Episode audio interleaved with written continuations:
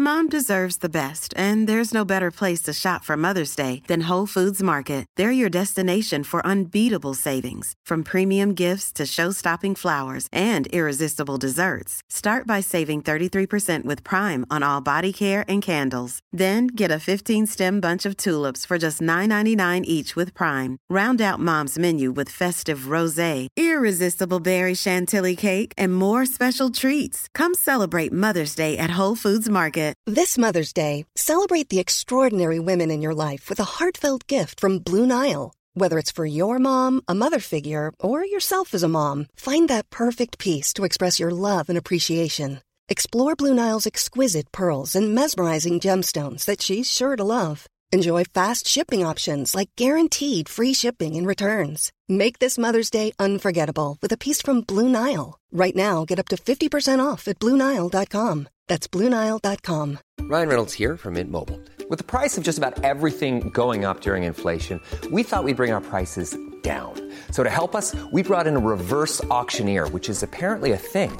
Mint Mobile unlimited premium wireless. Have to get 30, 30, bit to get 30, bit to get 20, 20, 20, bit to get 20, 20, bit to get 15, 15, 15, 15 just 15 bucks a month. So, Give it a try at mintmobile.com slash switch. $45 upfront for three months plus taxes and fees. Promo rate for new customers for limited time. Unlimited more than 40 gigabytes per month. Slows. Full terms at mintmobile.com. Zack, Zack, Zack, Zack, Zack.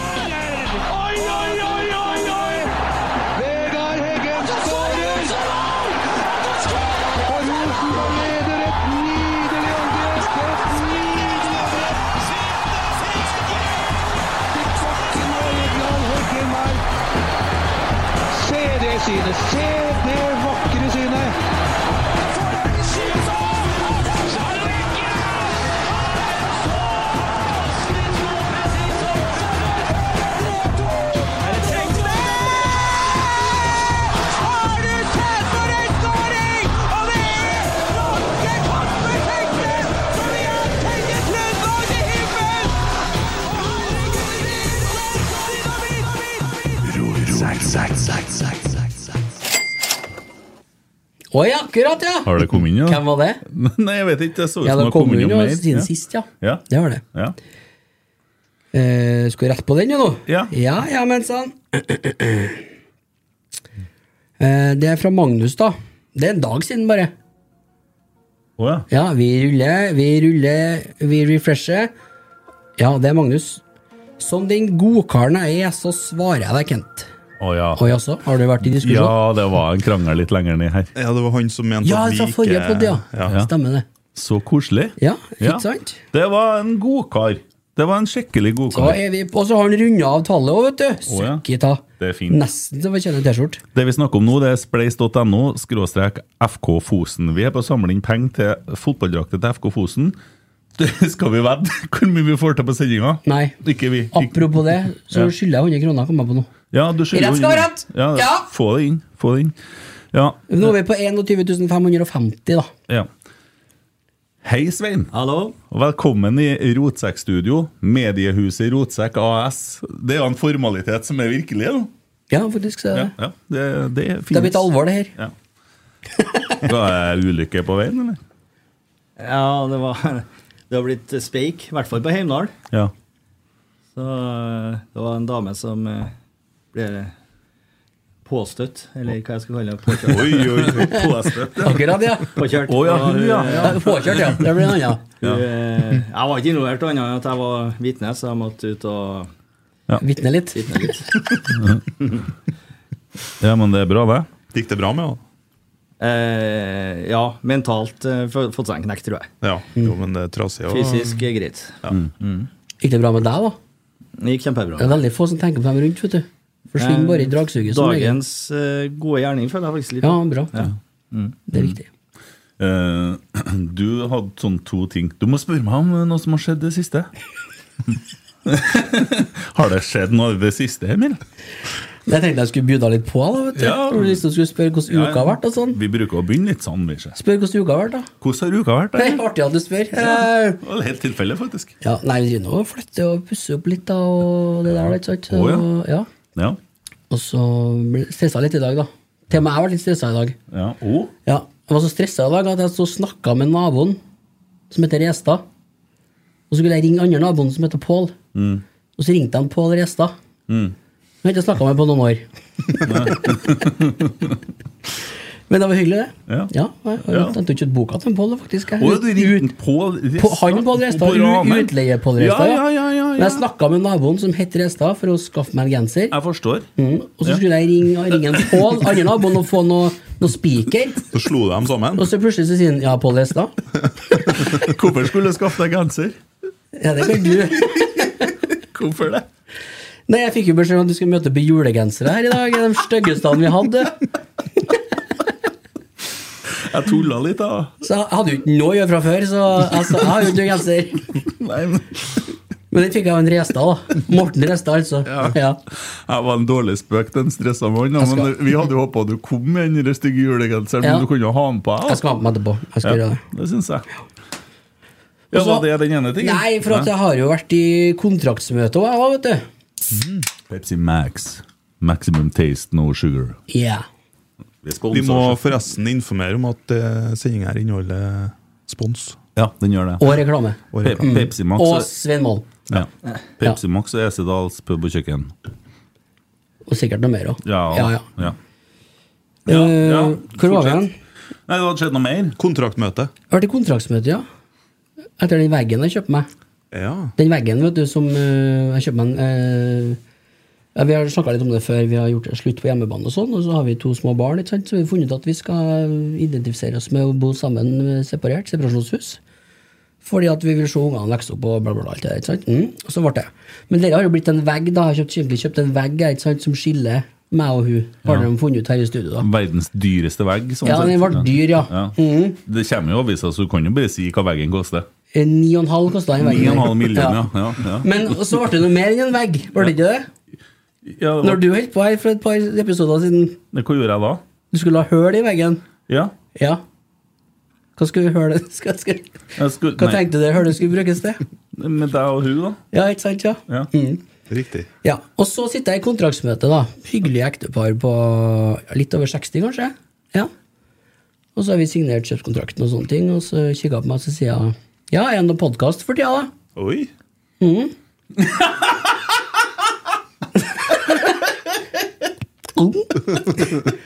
Ja, nei, jeg fikk tilsendt et lite klipp, sa av en slektning som hører på i Oslo.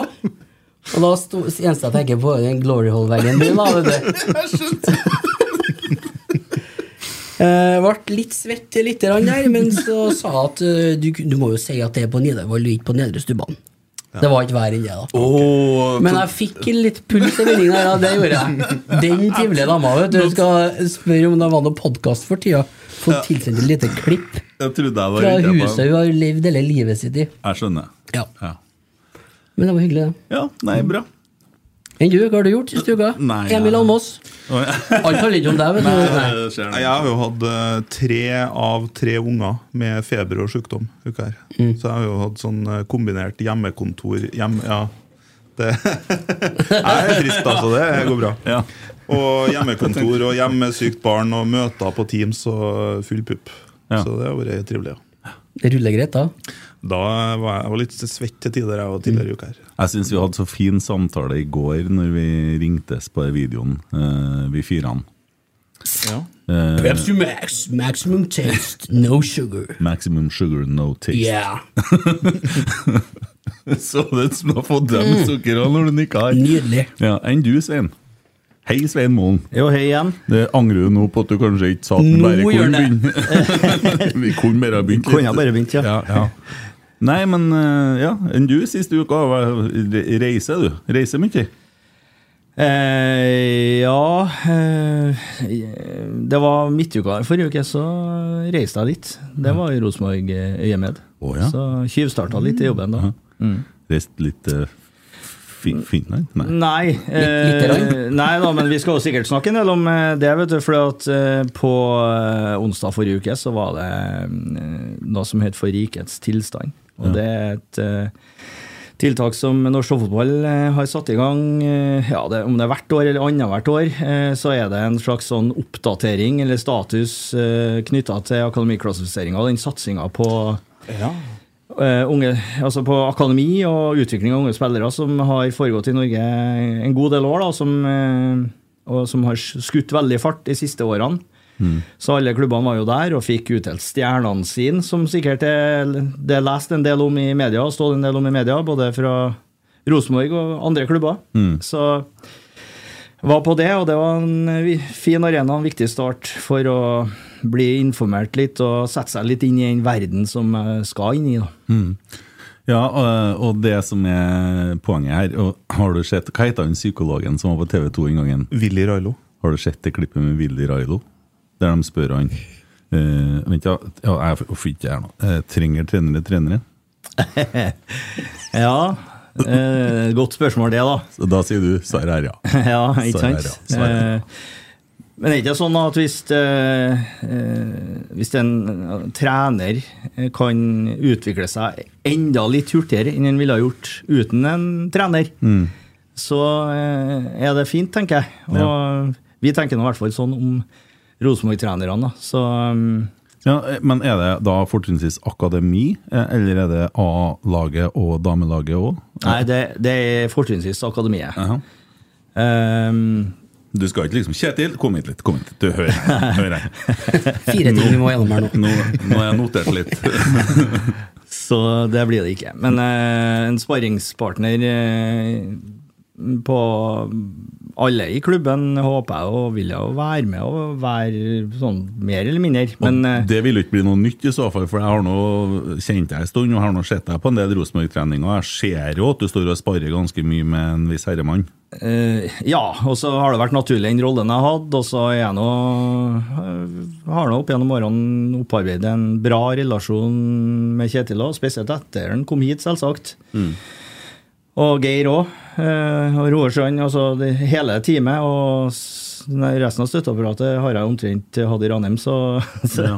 så det er naturlig, det. Og så, um, men eh, jeg skal først og fremst jobbe med I den, den eh, delen av stillinga mi som er trenerutviklerdel, så er det med, sammen med trenerne i akademiet, fortrinnsvis. Ja, og der har det jo skjedd en endring nå, for det er to stykker som nå takka nei til å forlenge. Som, ikke fordi at det var noe galt med Rosenborg, men fordi at eh, man har en permisjon i en lærerjobb, og det gjelder faktisk både for han Orkanger-mann og Verdalsmann, sant?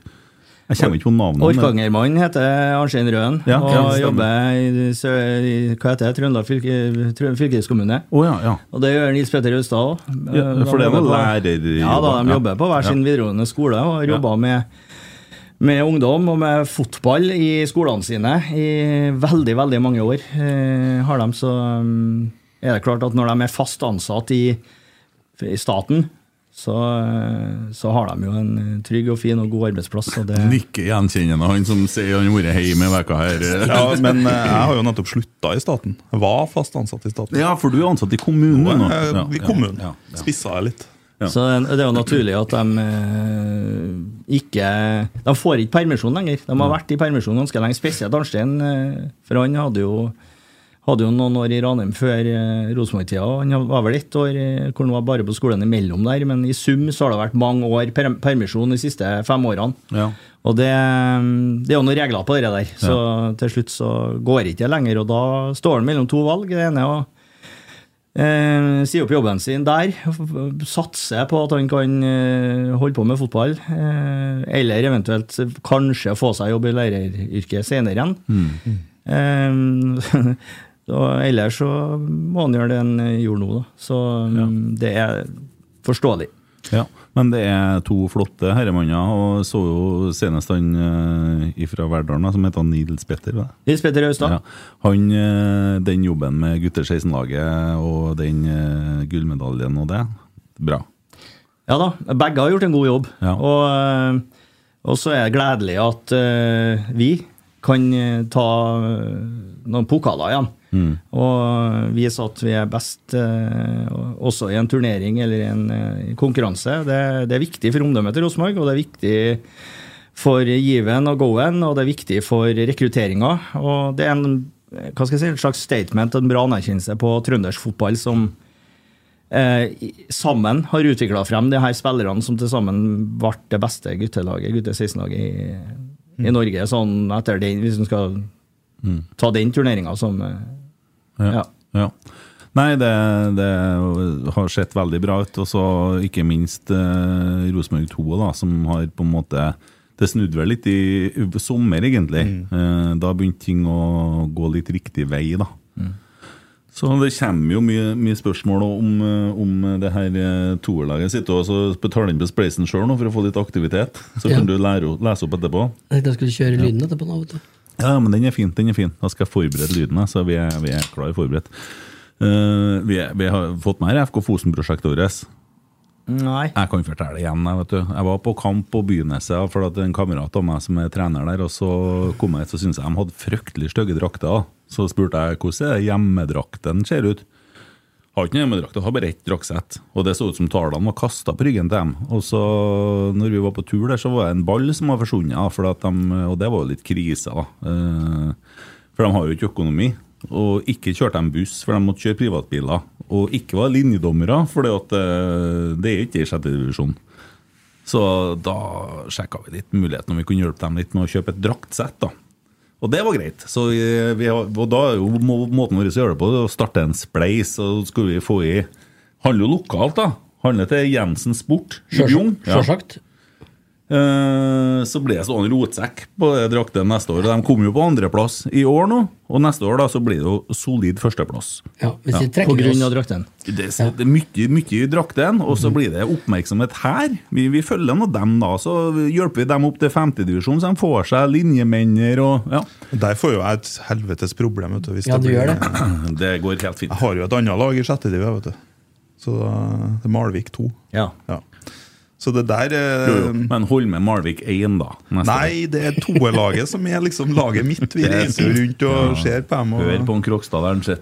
Ja, men det er sant. Jeg har vært på alle toerkampene. Ja, ja, greit, men vi har nå tatt det. Det her var nå enstemmig vedtatt. Ja, jeg følte Oi, oi, oi! Der kom det inn 100 kroner, vet du, fra meg. Yes. Ja, veldig bra. Ja, men den Er funker, da. Den funker. Er det noe å lure på? Hæ? Er det noe å lure på? Var Pepsi Max-en god? Ja, den var god, ja. Ja. Ja. Mm. Den var best, den. ja. Eh, Over til Esedals pub og kjøkken. Ja, jeg lurer på en ting til. Ja, å ja. Har Svein vært på Esedals pub og kjøkken og spist noen gang? Jeg har faktisk ikke vært der. Har du det? Eh, ikke og spist. Men jeg har vært innom dørene og sett, men jeg har ikke vært der og spist ennå. Så um, det må vi, for vi støtter opp om eh, alt som er trøndersk. Ja, det er jo, og det er jo partner til Rosenborg, det, vet du. Ja, ja. Ja. Og, og, og rotsekk. Ja, Rotsaker. Å ja. ja. Og det går an å kjøpe gavekort der òg. Et lite måltid, da, og ja, Ja. kanskje noe Smaking bananer. øl. Vi har lov å si det i podkast. Ølsmaking. Ja. De har en helt fantastisk entrecôte-heng der, så du må prøve deg på. Ja. Tørrmodna og Si veldig bra. entrecôte som om det er en selvfølge. Tenker ikke på det lenger. Nei, den er god, ass. Ja. Og burgeren er god. Den smakte jeg på Bryggerifestivalen i sommer. Da hadde de eh, stand på torget. Ja. Den er en sånn tørrmodna variant. Jævlig godt. Tørrmodna burger, er det? Ja, De har tørrmodna kjøttet, og så kverner de det, og så lager de burger av det. Ja. Det er voksent. Ja, Det er så godt at Vi snakker jo veldig mye om maten her, men de har jo faktisk ganske mye arrangement òg. Ja, det har De de. har de, ja. Ja. Christer Nesse var jo en del av et uh, allsidig panel her på mandag. Han fikk skryt i Dagbladet, altså. Ja. Han gikk på latsida, han må vi begynne å jekne litt, tror jeg. Ja, Ja, ja, men ser du den? Ser du den her? Nei, han er jo ikke her. Han er jo forbi oss. Ja, men Ser du den her på søndag? Nei. Nei. Ser du den her på tirsdag? Nei da. Nei. Christer har fått seg litt fri, ja. Så må, nå, nå ble det, da må han eh, få tenke seg litt om og stå på gangen. Han står utom her, da. Men, det man ser nyhetskanalen, nå. ja. Byt, bytta fra etta. ja. Det var litt om Mesedals pub og kjøkken. Yes, sir. Og at det er mulighet til å kjøpe gavekort. Vi skal satt oss litt til gavekortene, kjenner jeg. Vi, Gutta, vi prøver igjen på søndagen. jeg har en blodfersk overgangsnyhet. Oi! Som en Svein ikke vet òg, eller? Kan hende. Han vet det. Det har ikke noe med Rosenborg å gjøre, da. Nei, da bryr vi oss ikke noe om det. Men uh, det er sterke indisier her på at en Omar El Abdelawi har signert for Bodø-Glimt. Ja vel, ja. Ja. Svein eh, Fra nikker anerkjennende her. Ja Sterk overgang eh, høres ut som umiddelbart. da, Må bare Ja. innrømme det. Var han i Tyrkia? Eh, ja, han Noe var jo i Galatasaray. Hva jeg ikke vet, sier jeg bare. Ja. Også, jeg må jo kunne kalle det det. Ja, det er jo en sterk overgang. Ja. Hvis det stemmer, så er jo det Jeg syns jo det er Det klør sånn i den mørke humoren min etter å komme med øyevitser, men jeg kan jo det ikke gjøre det. Nei, Nei, nei, det er for tidlig. Nei, det er tidlig. Og, Du må få det bekrefta først. Tenkte jo, for, ja, men altså, Jo, det er lov. Han og Kjetil Knutsen kan jo kjøpe seg ett på det. Ja, men det, må, det er jo god humor! Du flirer jo. Og dine. Ja, Ja, nei, det kommer jo mailer etterpå. Jobber litt med dere. Ja. Ja, det, var bare, det slo meg praktisk, da. Ja, Men eh, den er jo tung da fra Bodø-Glimt. Det er jo eh, statement, tenker jeg. Ja, har du ikke brukt så mye penger tidligere i år? Nei, de har jo ikke det, så da det på tide å bruke noe. ja. Over til vår signering. Uh, han Å, Å, uh, Ulrik. Ulrik Yttergård Jensen. Ja. Det er klassesignering. Signering. Eh, overgangen gratis. Eh, stortalent. Ja, han er vel s- er ikke han 26 år, da. Det, er- nei, det er ikke han. Nå blander jeg stortalent. Det er Finnen. Dit skal vi Ja, etterpå. han er stortalent, ja. Men det er et godt kjøp. tror jeg. Eller det heter jo ikke kjøp. Den er hent, uh, er signering. God overgang. Signering, ja. God signering. Uh, virka motivert òg. Svein kjenner spilleren godt. Nei, jeg kjenner ikke den eh, godt, det gjør ikke jeg. Men jeg syns det, det er en god del ting som stemmer. Jeg liker overgangen, jeg, da. Og så Og så mm, sånn, Vi har jo hatt sånn litt suksess med å restarte eh, gutter som har vært hva skal jeg si, kalle det, ikke lyktes så veldig godt eh, der de har vært. Hente dem tilbake til Norge og til Rosenborg og fått restarta litt igjen. Og så har det vært eh, tilfeller hvor ikke har lyktes òg. Så får en tro på at eh, her er det mye som stemmer, og at kollektivet kan vokse. Eller sammen kan vokse, eh, og, og sørge for at Ulrik også blir en viktig spiller. Ja, og Han er, virker til å være veldig sterk, men ikke så kjapp. skjønte jeg. Han er ikke så hurtig spiller, men solid og klok. Han er Midtstopper, ikke? Ja. Det finnes nesten ikke hurtige midtstoppere i norsk fotball. Nei. Nei, Vi har, jo, vi har jo en på høyre stopperen. Erlend Dahl Reitan er jo relativt kjapp, da. Ja. Selektiv hurtighet. Det blir mye sprenging på han eh, neste år. Markus og eh, Ulrik. Ja, for vi har blitt tatt på fart noen ganger i år. Vi har det. eh, Ja, har vi det? Ja. Ja, kanskje. Oh, yes. Hoftun var ikke så kjapp, han heller, da. Nei, det er sant. Nei, da, du, det er jo mange internasjonale toppspillere i bakre firere som ikke er så kjappe, men jeg mener at det er en av de utfordringene Rosenborg, men også norsk fotball, har. Eh, Det har vært snakka mye om midtstoppere, og kanskje spisser, men spesielt eh, nå siste tida har vi fått frem en del spisser. da. Midtstoppere har vært en del snakk om. og mange har eh, på en måte pekt på denne evnen til å rydde unna og være god i boksen og være den derre sant, ja, den gode Mm. midt, Det ligger i ordet midtstopper. Du skal stoppe angrepene til motstanderen. Eh, kanskje litt stor, sterk, robust. Mange tenker litt sånn. Jeg tenker like mye fart. Mm. For eh, det gjør at eh, laget får mange flere dimensjoner i både angrep og forsvarsspillet. Man eh, safer bak, man kan stå mye mer i høyt press. Eh, trenger ikke å være like redd for kontringer imot. Eh, må fortsatt ha respekt for det, og like viktig med andre faser for å unngå det. Men eh, det å ha fart bak der i sånne faser, kjempeviktig. Det ser vi, mener jeg vi ser i mange av lagene i VM òg. Han eh, kan jo dra en parallell. Han Kåre snakka jo om at han mista han Jørgen Skjelvik i 2016-17. 16.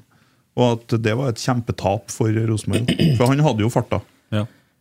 Ja, skal dra en annen parallell òg. Et par år tilbake før der, jeg synes en av storlagene til Erik Hamren var Chris Statsgaard. Jeg skulle ja. si Chris Statsgaard Farta hans var svært viktig i Rosenborg sin spillestil den gangen. Absolutt. Som eh, de blant annet Husker dere det? Vi bosatte jo vi bosatte jo motstanderens siste tredjedel med begge sidebackene. eh, Og det er, jo en, det er jo noe som vi ser litt i dagens eh, Rosenborg-lag òg. Eh, sender dem høyt. Nå er det enklere det da med tre stoppere bak, men eh, med fart bak i tillegg, så eh, ja. Så er det viktig. Men hvor rask han er, det, det vet ikke jeg. Det, jeg kjenner ikke han veldig godt. Jeg sitter i hvert fall på diskusjonene som har vært at han eh, mangler litt hurtighet, men har eh, klokskapen og hodestyrke og en sterk spiller. da. Så er det jo også selvsagt eh, litt avhengig av han som blir stående foran der òg, da. For det er jo noe sånn at hvis du har en god defensiv midtbane med hurtighet, så kan du faktisk få til litt i forhold til hvor høyt du står òg. Stemmer ikke det? Jeg vet ikke, jeg er så godt i 4-5-2 Jo da, men du har, 3-5-2. jo, men du har helt rett, for at, eh, den rekkevidden da, Mm. som uh, den spilleren har, som skal være litt oppsynsmann der, ikke sant, å ta unna mye kontringer og Mm. sprenge opp motstanderne når de kontrer, eller forsøker å kontre, den, den farta, den frekvensen, uh, som jeg da kaller rekkevidde, eh, Mm. hvor kjapt kommer deg langt, liksom, den er viktig der òg. Mm. Og det mm, det er jo kanskje en av de tingene som eh, Rosenborg-laget prøvde og feila på i hele år, egentlig. Akkurat det der, for man kunne velge litt mellom eh, enten det ene eller det andre der. Så det Ja, det er derfor det er så spennende med han eh, finnen da, som det er snakk om nå. Vernenennen. Ja. Vennene.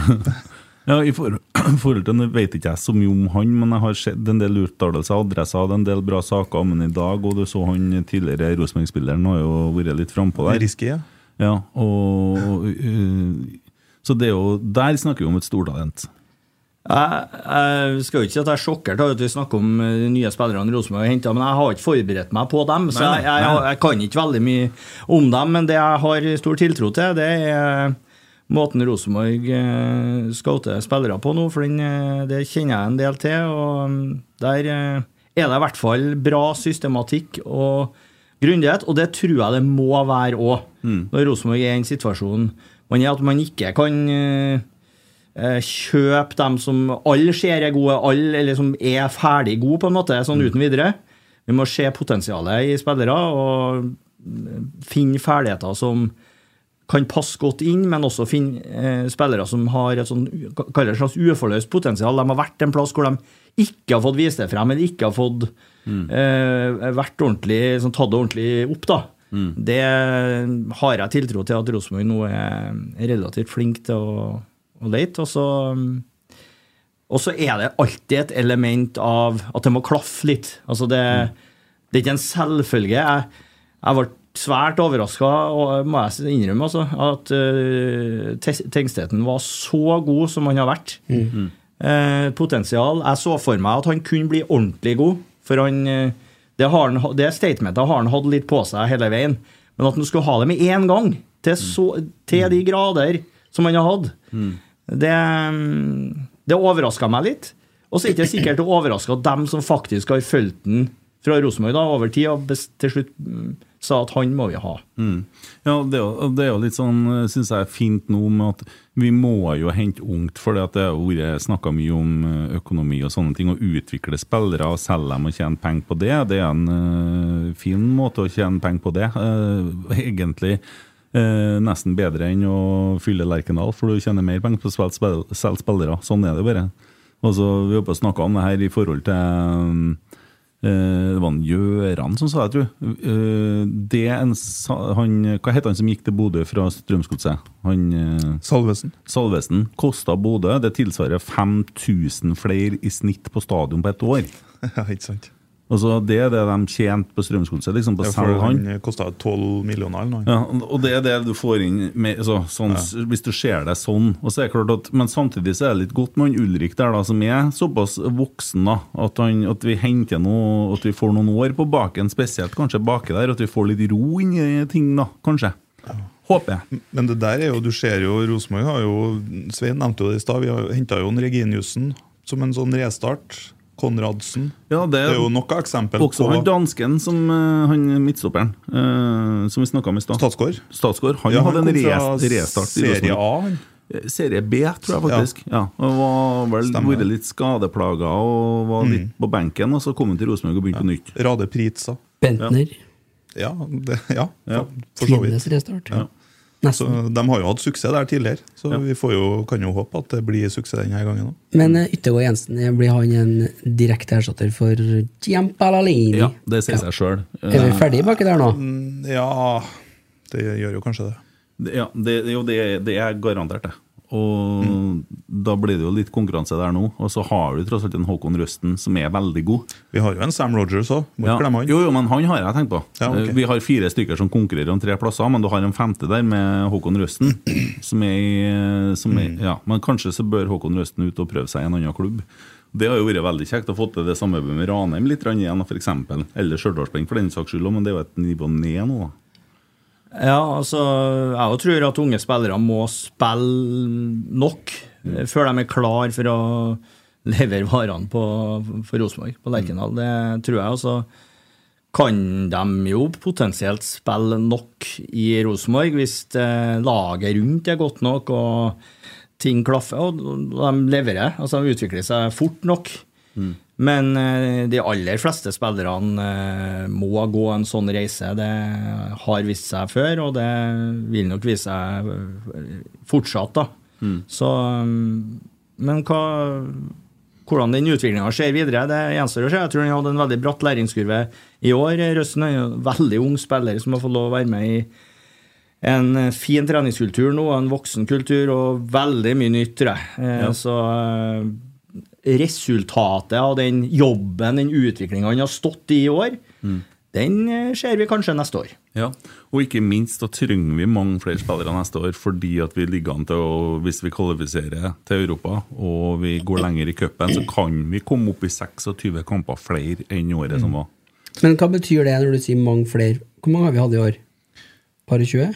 Det har vært litt liten stall. For eksempel, Hvis du ser på Ålesund-kampen, når vi reiste dit med Edvard Tagseth som spiss, så er det litt underbemanna. Men da var det mye skader. Vi må ha en skadefri tropp, og vi må ha flere spillere inn.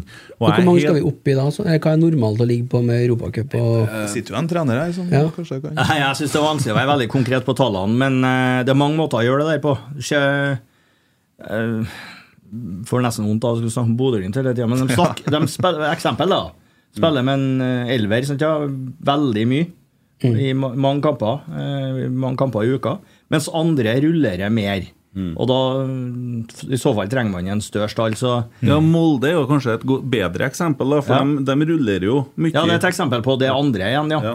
Så det er mange måter å gjøre det på. Ja.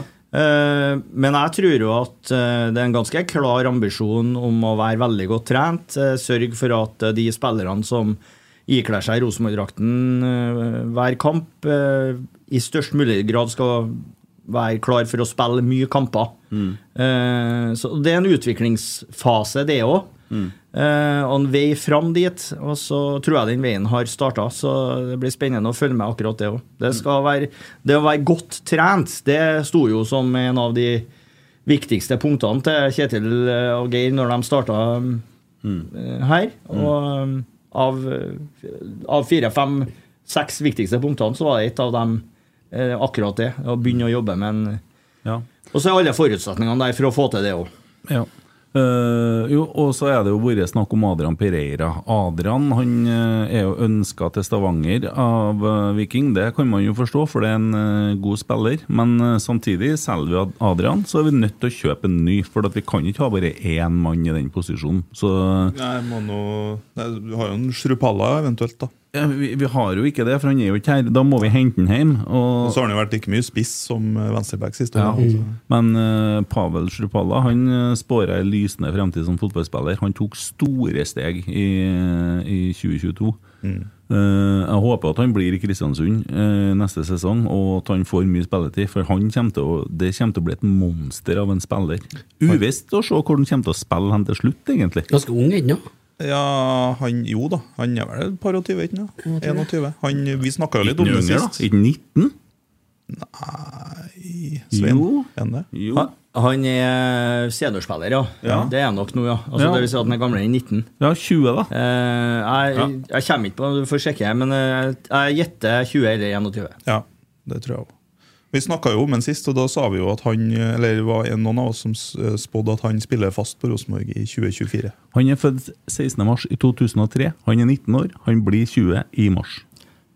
Han er det, altså. Ja. Ja, Ja. Og, yes. Bra, Kent. ja, og det er et monster av en 19-åring. Ja det er det. Han eh, har fysikken på plass, han, Ja. og skuddfoten. og Det som skjer der, er litt snodig, for at han skårer det målet på Lerkendal. Og etter det, jeg vet ikke hvor mange ganger han skøyt på RBK2, men det var helt desperat. Han skjøt mer i en sentral. Ja, han gjorde det da, altså. Men øh, ja. Han øh, altså, får til seg litt av det der, og får, så, så er garantert. Skal jeg trykke? Oi, oi, oi, oi, der har det kommet inn, vet du. Tom Stian. Han vil jeg anta har gitt 200 kroner, for han skriver oppfordrer neste til å gi 300. Ja, da har han sikkert gitt 300, da. Er det to og så tre, da? For jeg ga 100, vet du, og så ga sikkert han to. Ja, ja, ja. For jeg husker ikke hva som sto sånn, der. Nå, nå er du god, Tom Stian. Ja, Da er jeg bra Tom sikker på ja. at Tom Stian er fra Fosen. Det hører på navnet, ikke sant? Nei, ikke, nødvendigvis. Han er ikke nordlending, for han het Stian Tom. Men men det, det, tusen takk, Tom Stian. Kjempegreier. Man må ikke gi 300, altså. Det er ganske Nei, mye. nei, men, eh, men det, ja, og, Men det er òg en mulighet for å stille spørsmål. og da får du med et spørsmål, altså. Ja, det får Til sjølveste Svein. Ja. Stilles på Spleis. Ja, det stiller spørsmål på Spleis. Ja, ja, ja. Du har trykt bort den. Du tar litt styring her nå. Men jeg håper nå at Adrian Pereira blir i Rosenborg, og det blir jo litt spennende å se. Og så tenker jeg litt på hva, hva ville jeg valgt hvis jeg var han? Ville jeg reist til Viking og slåss for å klatre opp fra en 11. plass, eller jeg ville ha blitt i Rosenborg og hatt muligheten til å være med og spille i Europa og kjempe meg inn på laget? Eh, og det er utrolig mange kamper da kan bli på Rosenborg neste år. For det er to cuper, og det er Europa. Nesten så vi må ha en til der uansett, eller? Nei, eh, det tror ikke jeg. Vi uh, tror ikke man skal begynne å triple plassene. Da blir det stor stall. 33 Men, eh. Jeg tror vi skal være glad for at vi har fem stoppere. da. Jeg tror ikke nødvendigvis at den Røsten må ut for å få spille minutt neste år. Nei. Ja, du vet aldri hva du får. Og så har vi på en måte en uh, Håper jeg. Ja, det håper Ja. jeg òg. Mm. Og så per- og så er jo, er jo Du må jo ikke bestemme det nå. Altså Det er mange, mange tidspunkt i løpet av en sesong du kan Mm. gjøre noe. Sant? Og spesielt med unge spillere, for det er jo en egen eh, regel for dem i forhold til utlån. og det. Sånn at det å ut eh, i tre måneder og, og spille en plass hvis det nå ser det ut som osv., ja, det kan være en løsning. Eh, men eh, at han eh, blir å se i Rosenborg-drakten neste år, det håper jeg òg litt på. Ja. Som jeg eh, Hvilke planer ja, Det vet ikke jeg. Jeg har ikke eh, Men vi har jo også I Rosenborg nå så, så har du en Røsten eh, For så vidt en digresjon. Veldig spent på hva som skjer med Lasse Kvikstad i 2023. For det, det er en bra spiller, det òg. Eh, og så har du Sverre Nypan, du har Marius Broholm. Du har en del sånne caser som er på en måte det, det har vært sunt å ta en sånn Fredrik Midtsjø-tur til Sandnes Ulf eh, Ranheim eller noe sånt, ikke sant? Eh, men samtidig så er det faktisk såpass med kvalitet at man kan komme inn på Rosenborg og utgjøre en forskjell. Det, Om det utgjør en forskjell, det, skal, da er de gode, da. Ja, Men- Broholm gjorde jo det. Ja da. Eh, var det mot Molde? Han kom inn og var helt hinsides Ja, da kan gjøre en forskjell i en enkeltkamp. Og, sånn, det, og kan man gjøre forskjell utover det også, det er flott, det, altså.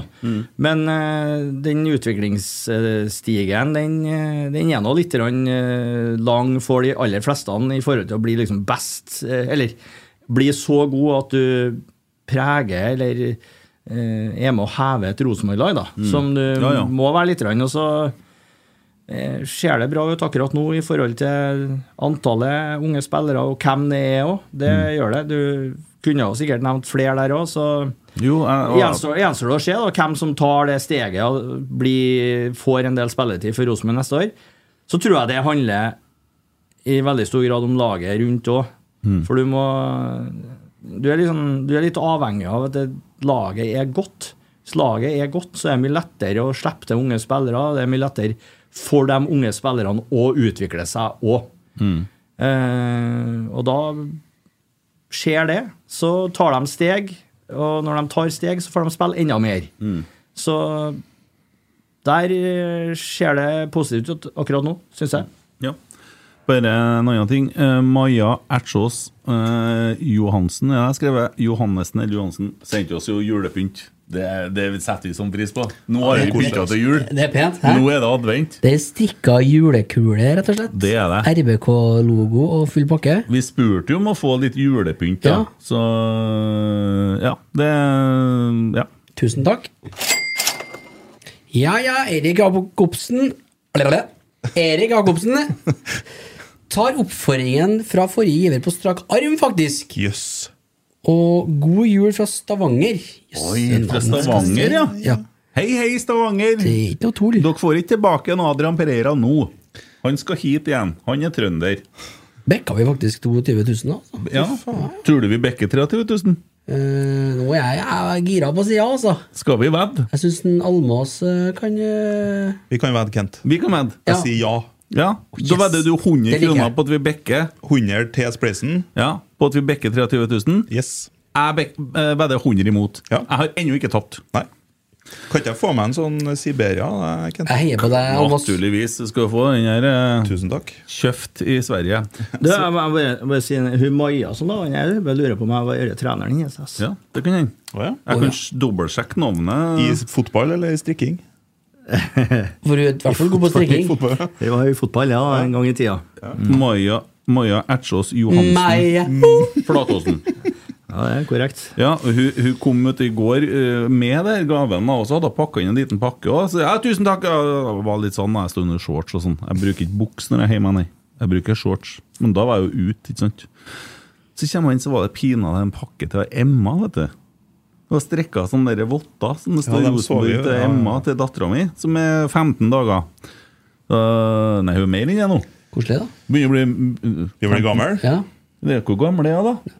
19 Nei, år, de jeg vokser opp så fort, til ungene. Ja, vi gjør det, ja. Nei, men det det ble jo, da, da ble jeg veldig rørt når jeg kom inn, og så ble jeg litt skamfull. Så jeg sånn, ja, takk, ja. Så jeg, jeg skulle ha det, det, var jo, det var veldig fint, da, syns jeg. Så um, tusen takk, Maja. Ja. Å, jeg, jeg så du så på Spleisen, vet du. Ja, jeg følger med noe med argusøyne her. Jeg håper jo ikke at det kommer inn noe mer. jeg, vet du. Nei, det gjør jo jeg. Og en Almås. Ja, nei, jeg taper aldri sånne ting. Uh, du har vært så mye i Nederland når jeg snakka med deg. Ja. Nei, Amsterdam eh, Er Business eller pleasure? Ja, det har vært business, ja. Jeg har vært ganske Ganske mange runder nedover i år. Eh, Belgia og Nederland, egentlig. Eh, så har businessen vært eh, eh, litt fotball, men også litt eh, fruen som driver med business eh, ned der. Så da har det vært fint. I Nederland?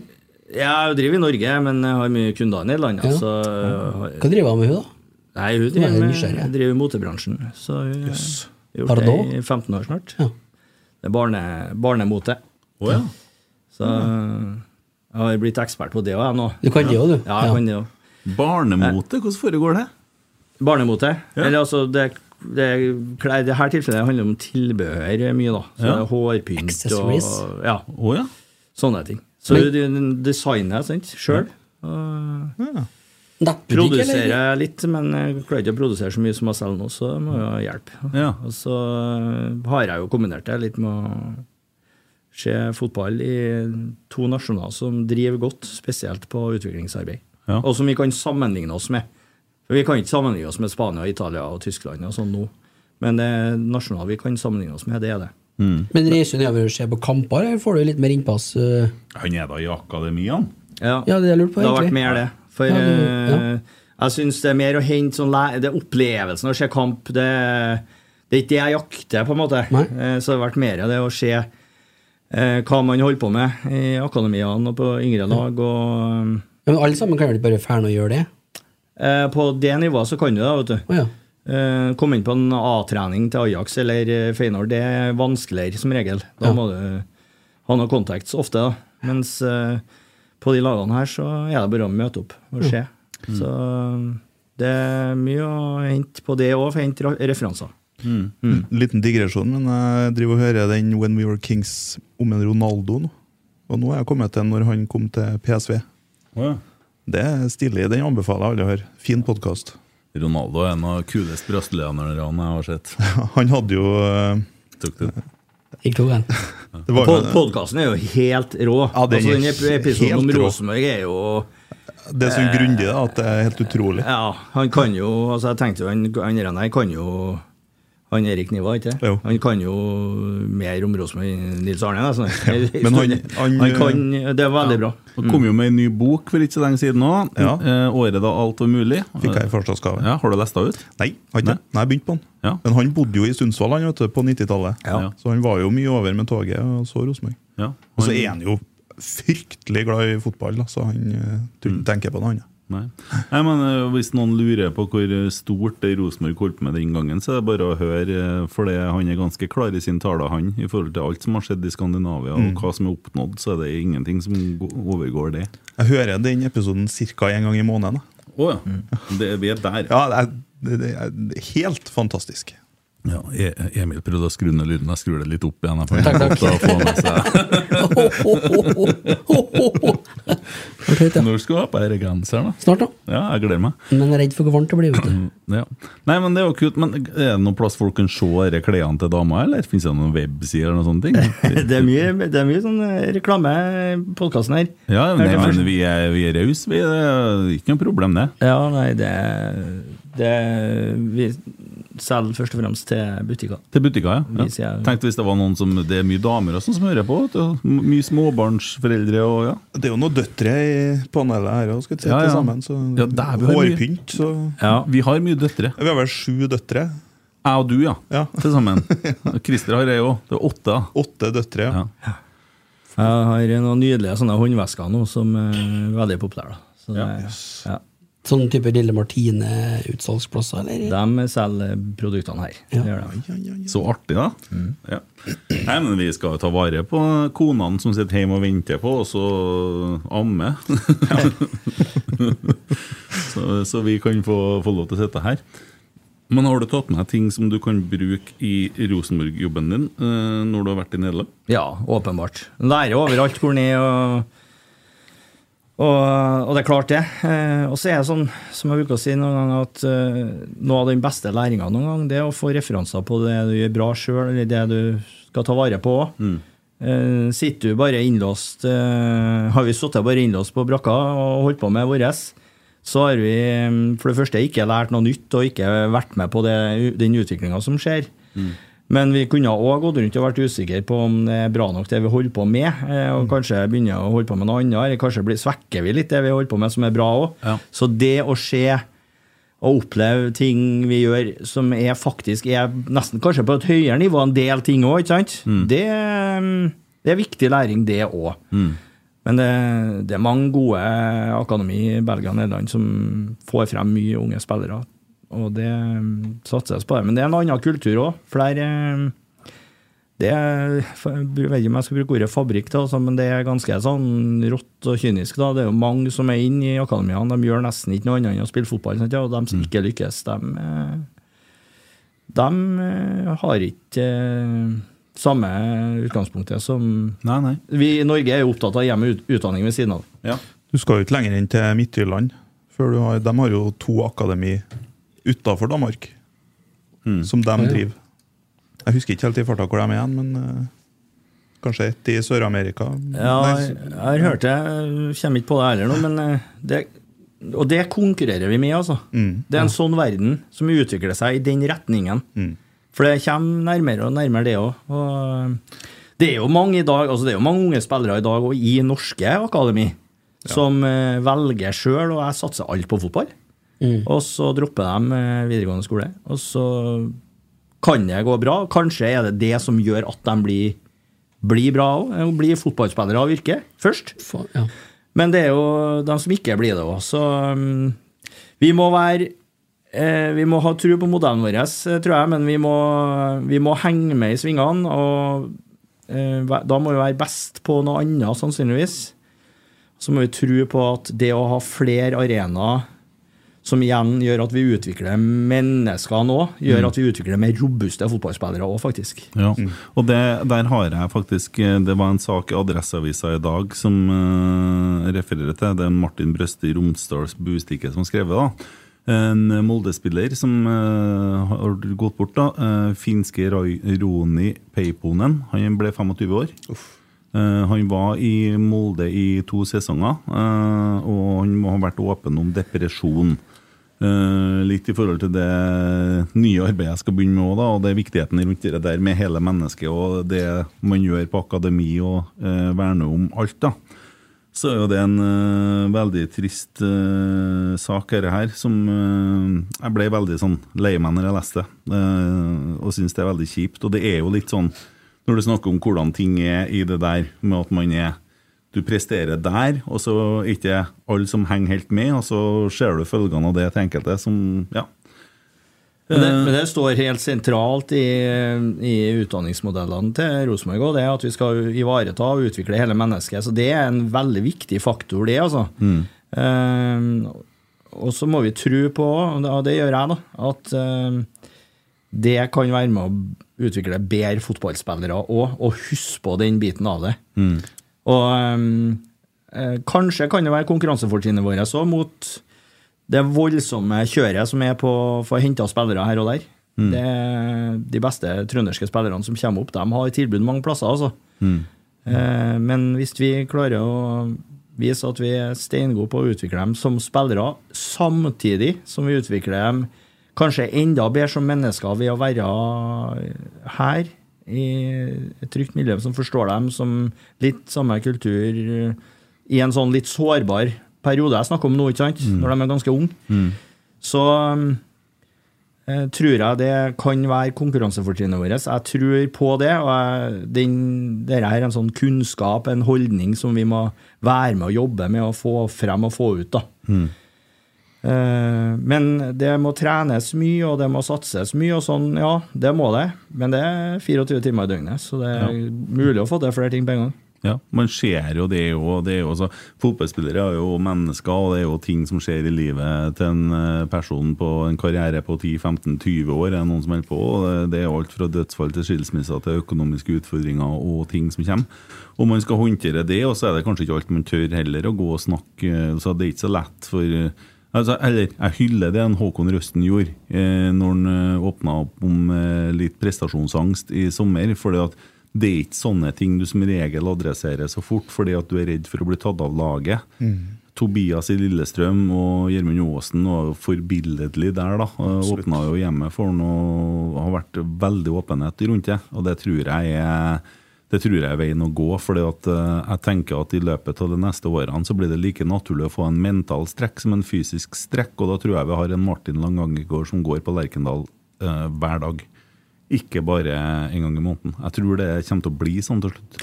Ja, og så er det en viktig kunnskap, eh, eller kompetanse, er riktig å si, kompetanse trenere må ha.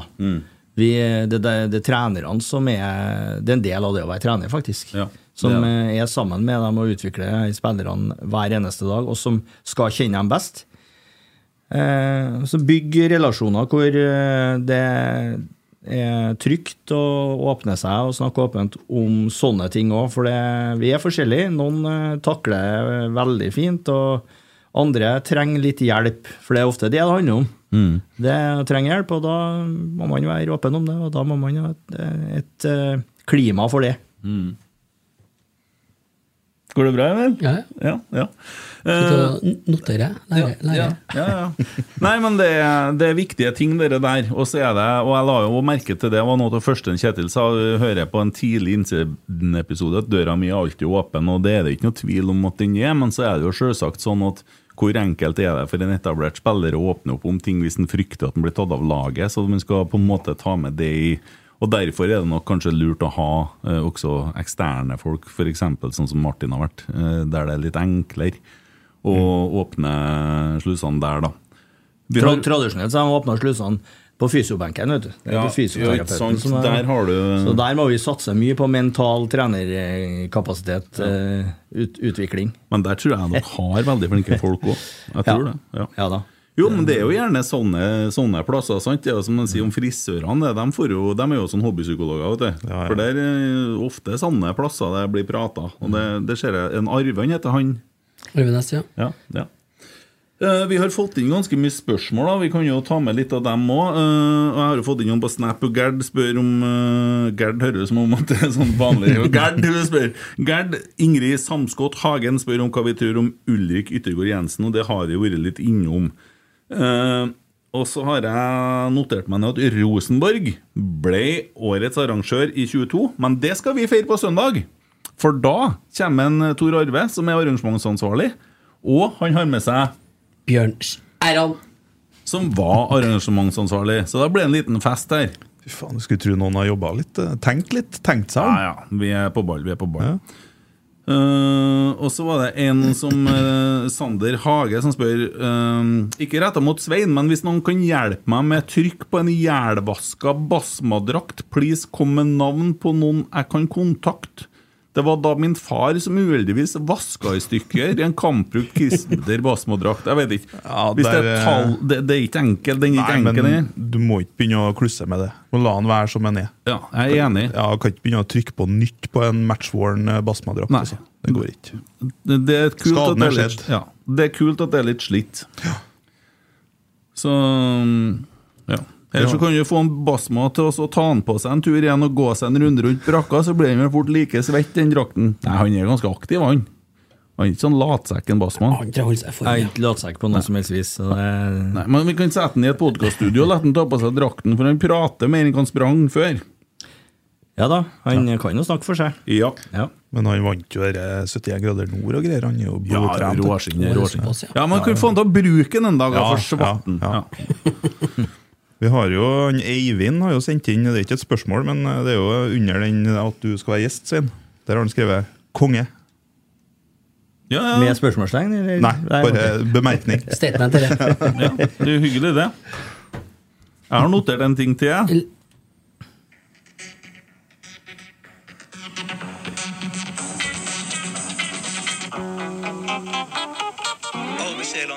Husker du hva det var? Hæ? Jeg var ikke påtenkt engang, jeg da, men eh, jeg vet hvor du skal hen, ja. Er det Sportsrevyen? Sportsrevyen skal legges ned. Dere var jo sportsrevyjingelen sånn som jeg og Svein hørte når det var. Back in the day. Ja. Jeg elsker jo etter, vet du. Ja.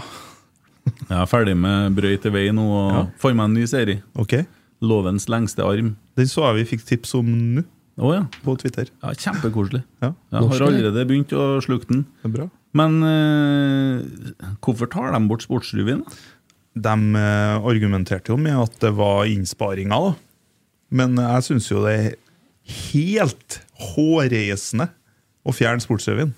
Jeg, var- altså- jeg var helt på gråten da når jeg leste. De Helt bruker seriøst. penger på at Maria Nei, hva heter hun? Marion Ravn skal sitte og gjette hvem det er som er bak ei maske. Ja. Det har ikke med sport å gjøre. Nei, det er to forskjellige de- budsjetter. Jeg. Å ja, det er budsjetter. Ja, ja. Kan de bruke pengene på i sport til NRK? Qatar-VM?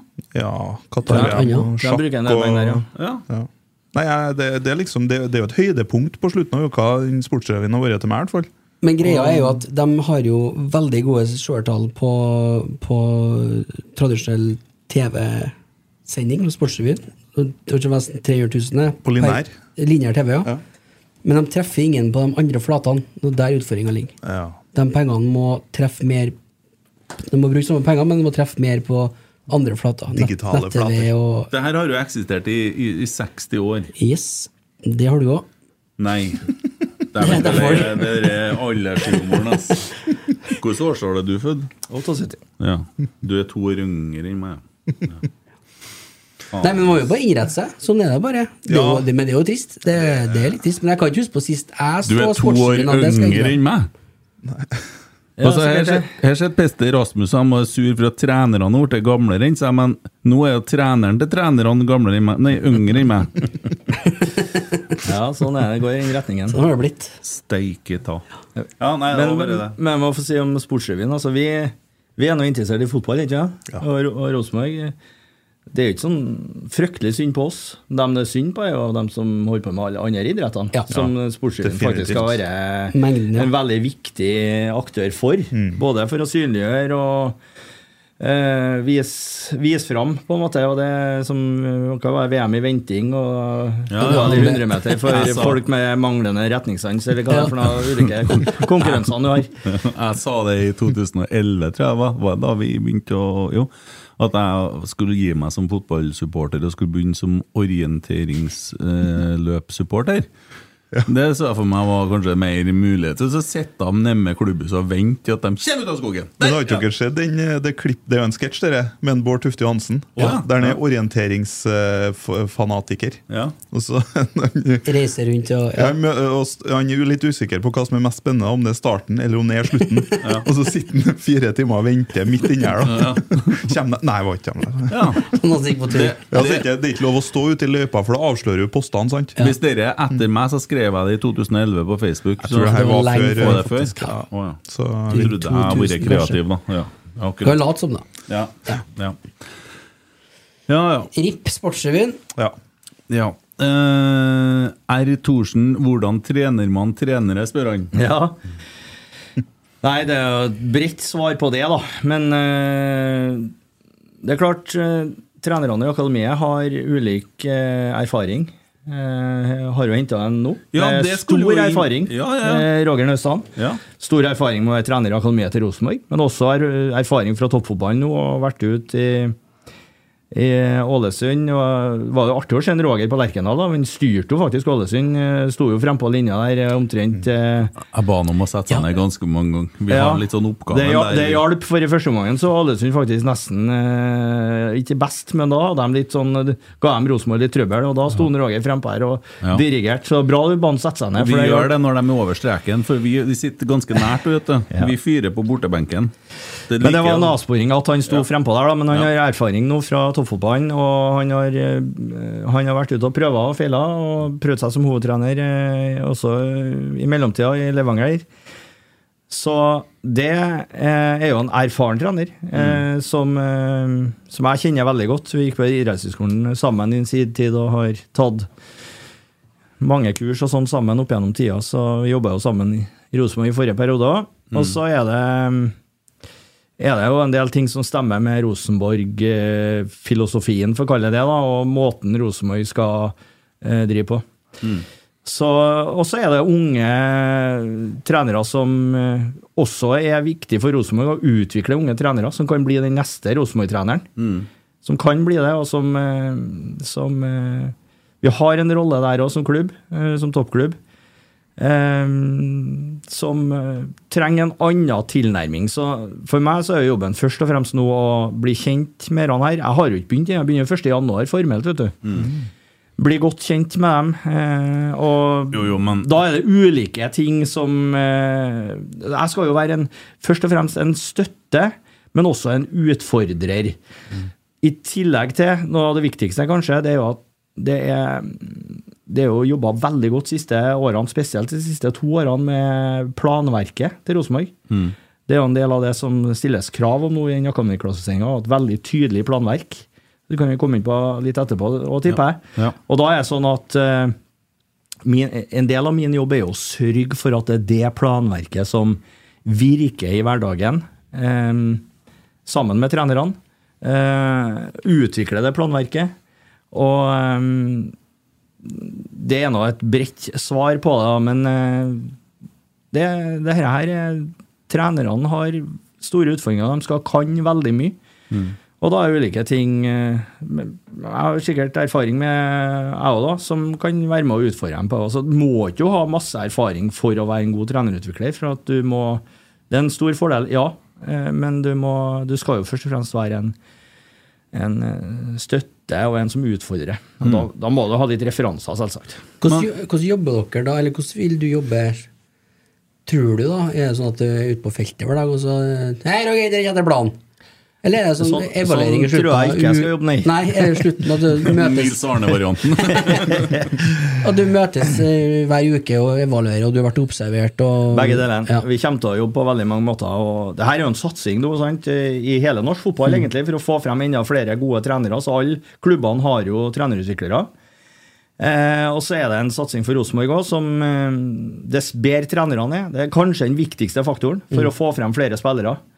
Eh, så jeg kommer til å jobbe med trenerne i team. Trenerne i akademiet er jo et team. Eh, og kommer til å jobbe individuelt med dem, én og én. Og så har de ulike ting de vil bli fulgt opp på, ulike ting de kanskje trenger å bli fulgt opp på. Så er eh, ulike måter å gjøre dette her på. For at, hvis du skal lære noe, i hvert fall, så må du være innstilt på å lære òg. Så mm, min utfordring blir å skape nysgjerrighet og s- utfordre og støtte. Og så viktig å avklare forventningene på forhånd. eh, Det har vi lært. eh. Ja, og så må jeg si en ting til. For å trene, en, det å være fotballtrener i dag, og i hvert fall det å være fot, fotballtrener i toppfotballen, det er ledelse på et veldig høyt nivå. Det er, det er Du skal lede høyprestasjonskulturer, høyprestasjonsgrupper. Eh, så det er en form for lederutvikling òg, faktisk. Spennende. Jeg syns det høres så spennende ut. Jeg har lyst på en sånn jobb, jeg òg. Ja. Jeg prøvde å komme med Hvor søker jeg hen? Ja. Jo, men eh, Svein skal jo RBK.no, men det er litt for sent. så jeg- Nei, men det er ikke det, Hvis at begge de to akademitrenerne forsvinner, Jo, så skal det jo inn en til. Det er jo ikke bare Nøstan, det må jo inn en person til der. Ja, det er mulig. Jeg kan ikke kommentere for mye om det. Det legges jo planer i disse dager på hvordan Ja. vi skal sette sammen uh, dette her inn mot neste år. Og det, akkurat det er jo naturlig at jeg er med litt på, så der har jeg tett dialog med Christer. Men eh, det, mm, kommer vel nyheter etter hvert på hvordan det skal se ut. Jeg har jo sett en Christer en del på benken der òg. Han er faglig veldig sterk, han er også flink med guttene. da. Absolutt. Han, har, han har jo han har jo en del erfaring, vært både her og der. Og, Han er jo trenerutvikler, ikke sant? Nei, han er, han er akademileder nå. Men han var, har ikke han erfaring som trenerutvikler fra kretsen? Eh, Jo, det er helt Ja. korrekt. Så han jobba som trenerutvikler i fotballkretsen. Og, um, vi, det er et lagspill her, og vi skal jobbe med trenerne flere. Og så må jeg jo skynde meg å si at ja, det mesteparten kommer til å Eller mye kommer til å være knytta mot det som skjer ute på banen eh, i trening og kamp. Så det, jeg kommer til å være- følge lagene tett, både i trening og kamp, og ulike metoder å jobbe på. Blir det, blir det noen kamper, da? Det blir mange kamper. Ja. Og det har vi nå skjønt eh, i forhold til at en, eh, Roar Vikvang var ute og maila litt på Twitter her, at eh, det blir toerbanen neste år òg. Det blir ikke på Lade. Rosenborg 2 skal spille kampene sine, for det var en liten Twitter-diskusjon. Men det var, en, det var en Roar litt artig på Twitter, syns jeg. Ja? Det var fin. Og der har vi fått ei påpekning fra han R. Thorsen òg. Ja. Husk at det heter toerbanen. Ja, det er viktig for dem. Ja, det er her. det. Han og Jon Tore. Ja. Så, så har vi sagt det. Ja. Men vi som har blitt så sponsororientert, vi selger jo sjela vår til hva som helst. Vi møter oss sjøl litt i døra på den toerbanen. Nei, nei, nei. nei. Nei, det er jo det er laksen som er problemet her. Ja. Eh, Han, eh, Roar Thorsen spør om Rosenborg skal legge om til likt som A-laget. Det føler jeg vet du, har snakka veldig mye om i forhold til oss. Harmed har jo hatt Hvorfor så vidt en jæklig flink kar da, som er med i akademiet der. Eh, Det må jeg si. Eh, og at det handler for i hvert fall sånn Sarmed snakker mye om det med rom og tid. Det, det hører jeg ofte han snakker om. Ja. Oppfatning av spillet og sånne ting, og at ikke det der formasjonene og tallkombinasjonene nødvendigvis er så viktig. Ja, og det må vi tro litt på, for det vi i hvert fall tror på, det er kontinuitet. Ehm, Vi må, vi må ha en spillmodell eller en måte å spille på som eh, ligger i bunn i arbeidet på Samleakademiet. Og eh, Den kan ikke bare bytte fra år til år. Eh, Det er viktig å ha en kontinuitet på den. Og det her er jo en del av det planverket som jeg jobba med over tid nå. Og jeg syns det, det planverket som ligger der nå, innehar veldig mye eh, fra Rosenborg-kulturen. Mm. blant annet så er det bakt inn Sterkt i dette her er bakt inn eh, eh, angrepspostulatene eh, til gode, gamle Nils Arne og Bjørn og co., som eh, står seg den dag i dag. Det er en av hjertesakene mine. Står seg i høy, eh, høyeste potens.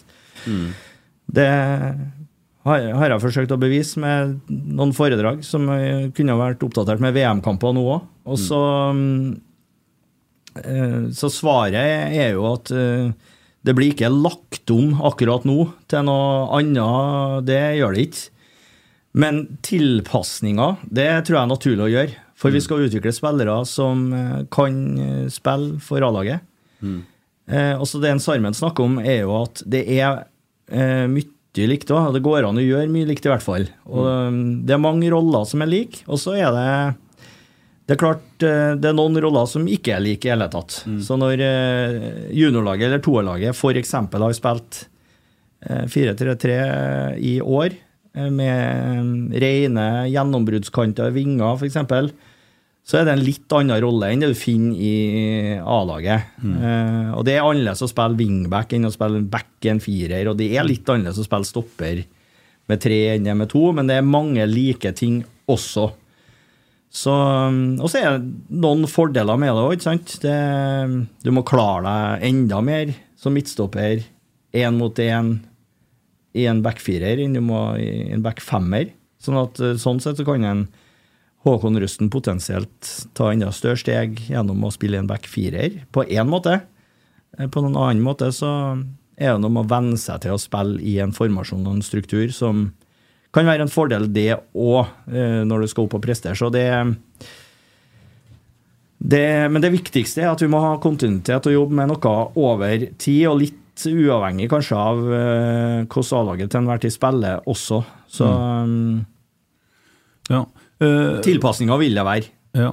Uh, og så er det spørsmål om, om det er noe snakk om opprykk fra Thorsen. Mm.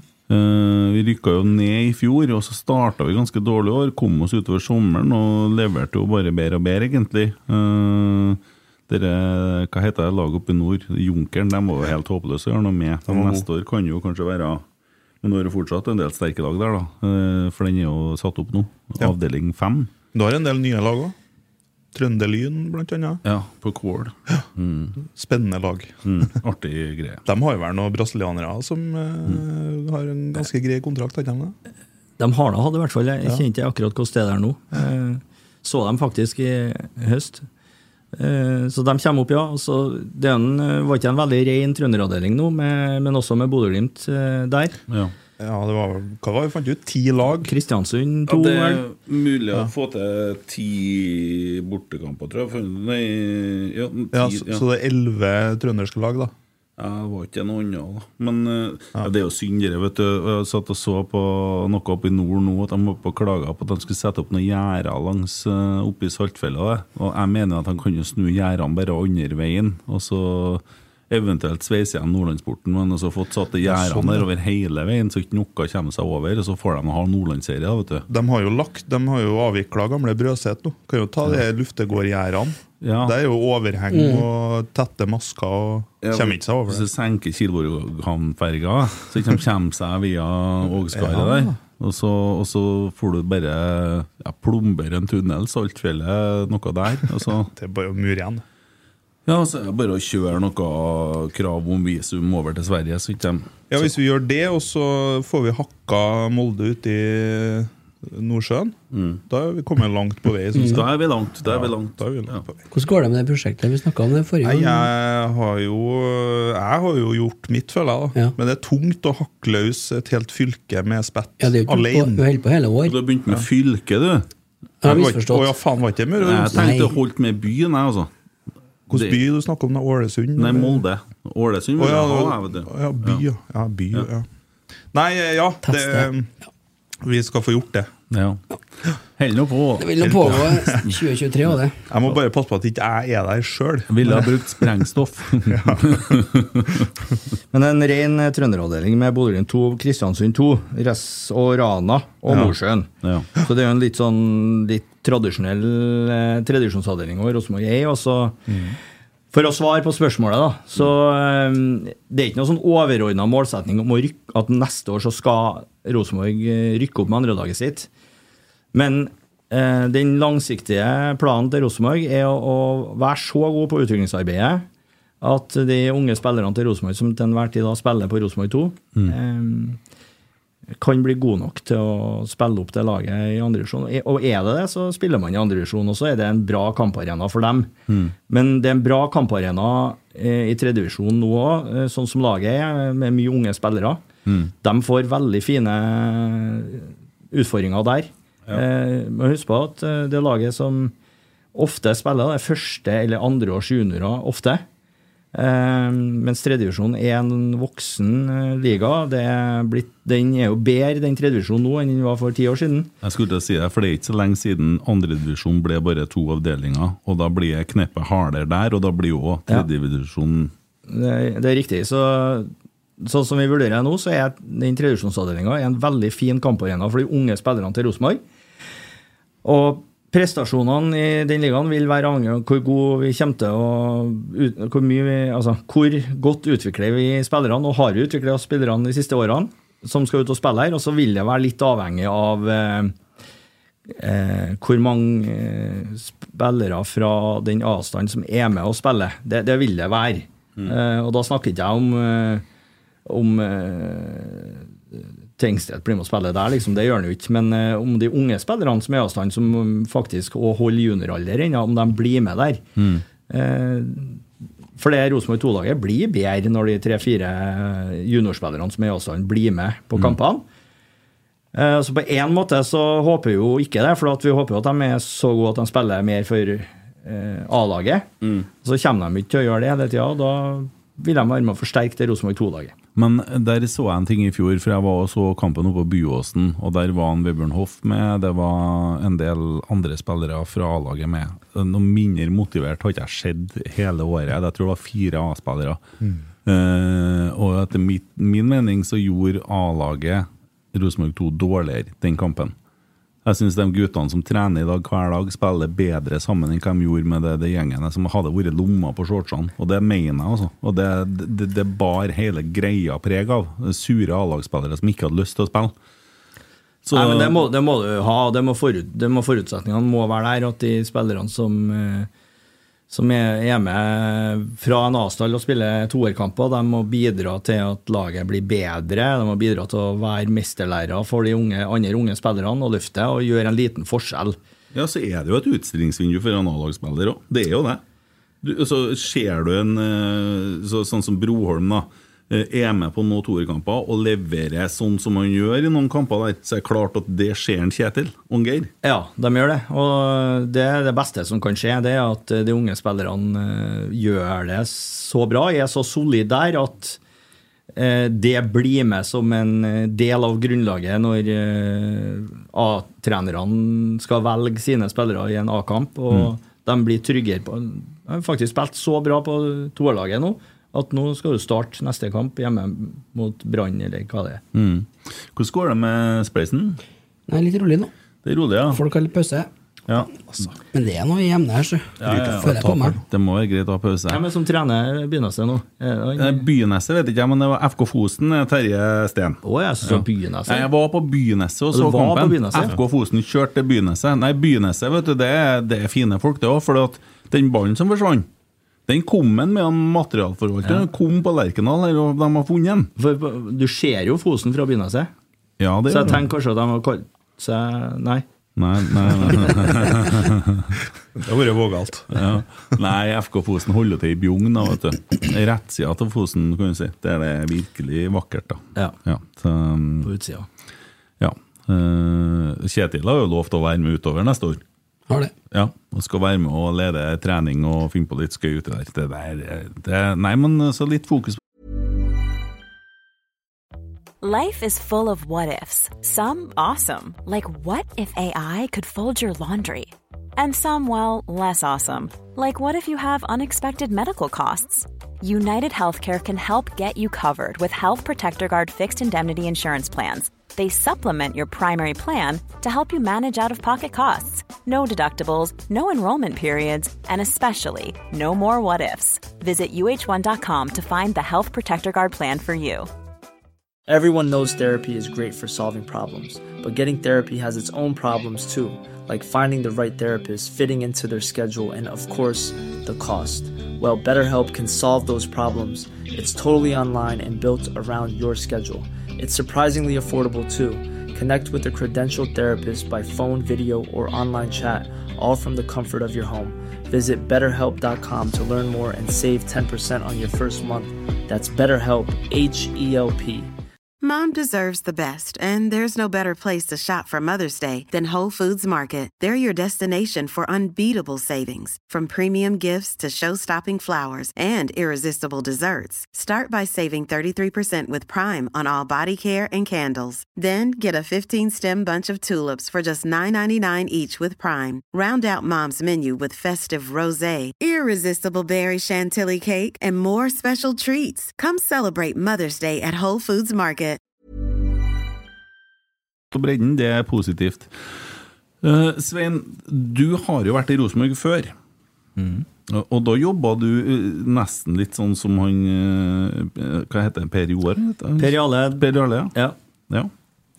Du har litt sånn analyse og litt sånne ting, og så var det litt sånn målinger på spillerne og sånn da òg. Mm. Det var det. Det var en tidlig fase med både faget, eller temaet analyse, men også det med måling av eh, løpslengder og det med tracking av spillere. da. Så det var jo den perioden når eh, det ble satsa litt på det fra Rosenborg-hold òg.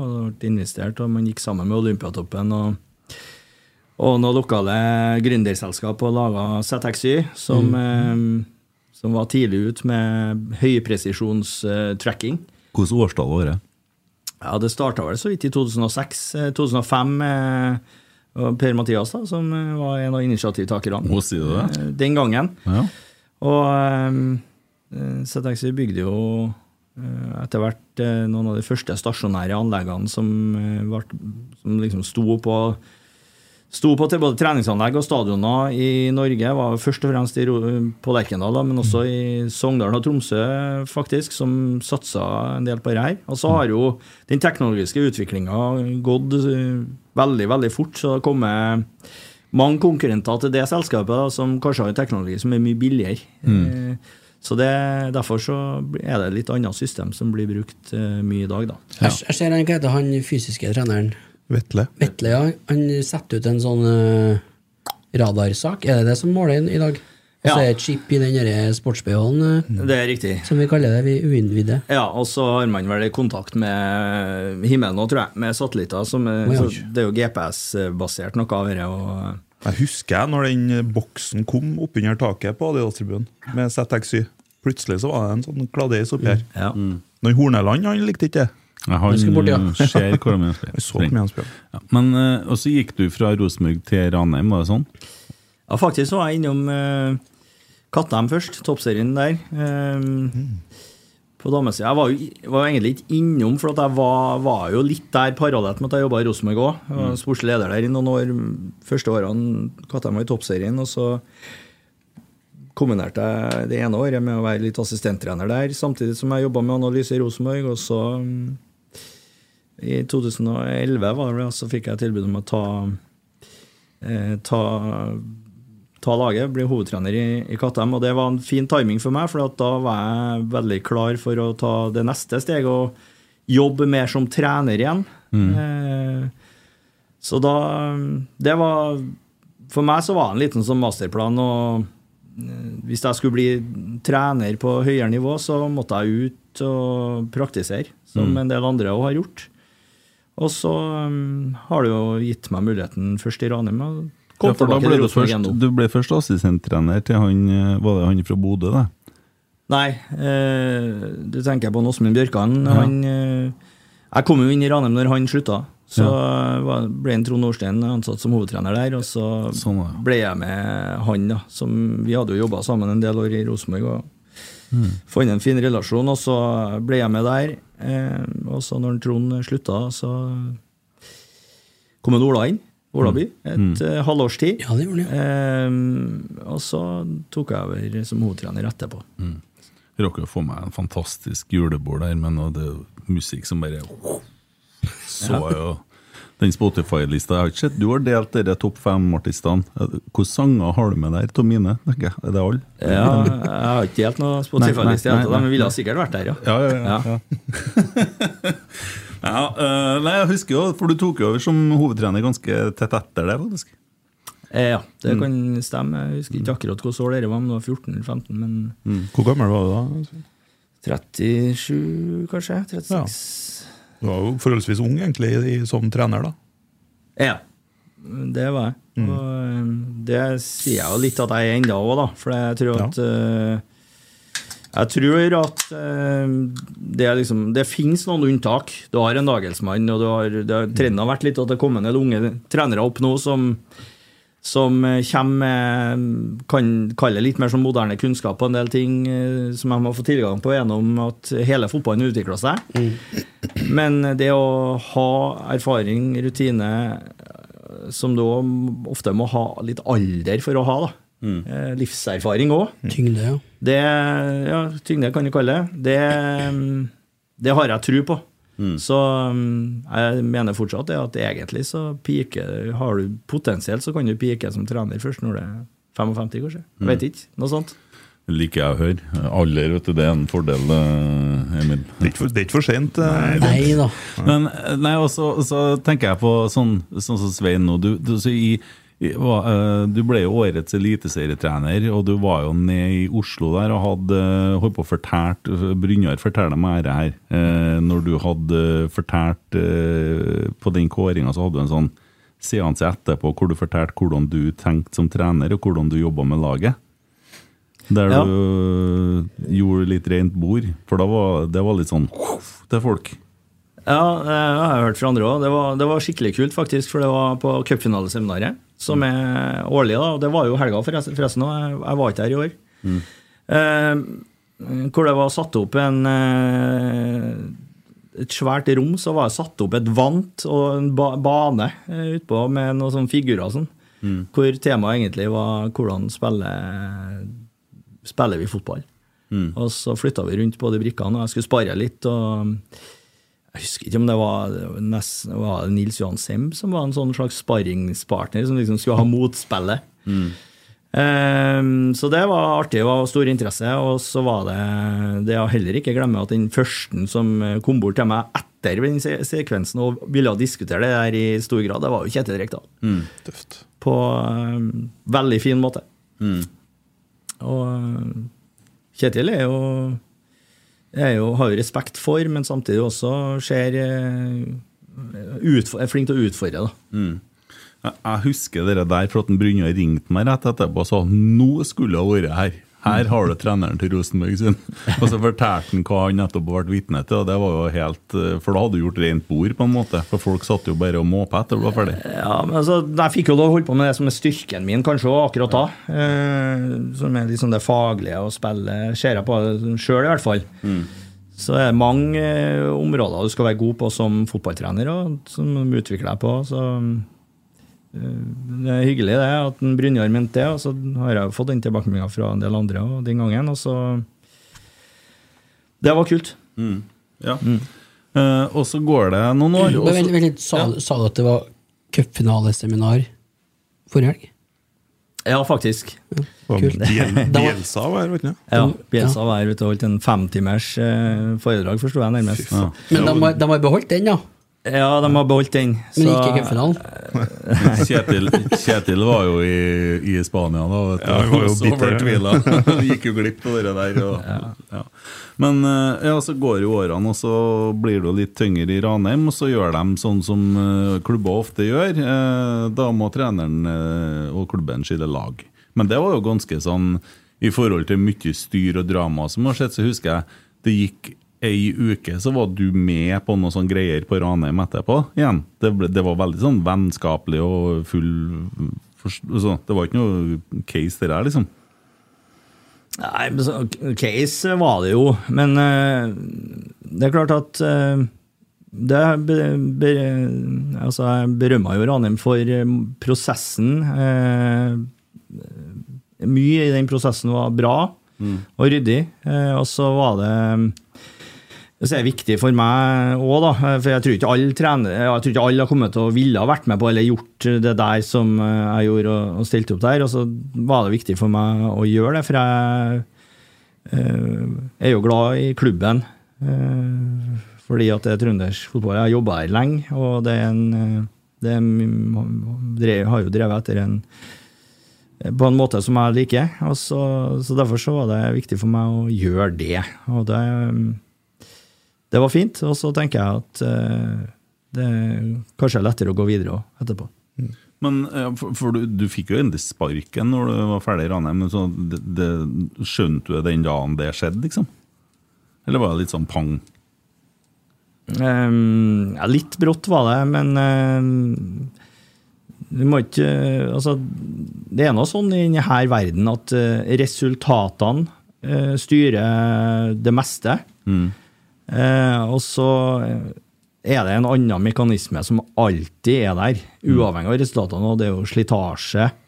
Eh, for vi driver jo en sånn høyprestasjonskultur. Det skal presteres på et høyt nivå hver eneste dag. Det skal det i mange bransjer, det altså. Og jeg har stor respekt for det, og stor respekt for når jeg snakker med næringslivsfolk og sånn at det, ja, det er høye prestasjoner der, og hvis du skal bli mest mulig lønnsom, at du skal konkurrere ut andre og ditten og datten. Men eh, likevel så vil jeg nok mene at eh, det er høyprestasjonskultur eh, på et høyere nivå enn veldig, veldig mye annet. Ekstremt det- synlig, da. ja, og du er veldig eksponert og veldig synlig, og det blir mye følelser, og det er mye forventninger. Eh, og det er ord som jeg mener i større grad kjennetegner fotball på høyt nivå enn en del annet. Og det skaper igjen enda mer eh, kanskje slitasje. Så mm, Og da, det er ikke noe farlig på en måte å snakke om det. det sånn er det. Og det må man ta med seg. Og, um, og det vil alltid være sånn at når den slitasjen er der, så er den ofte mellom Den er ofte knytta til hovedtreneren. Eh, og um, du er hovedansvarlig vet du, for energien og for kvaliteten og um, prestasjonene, og dermed også resultatene.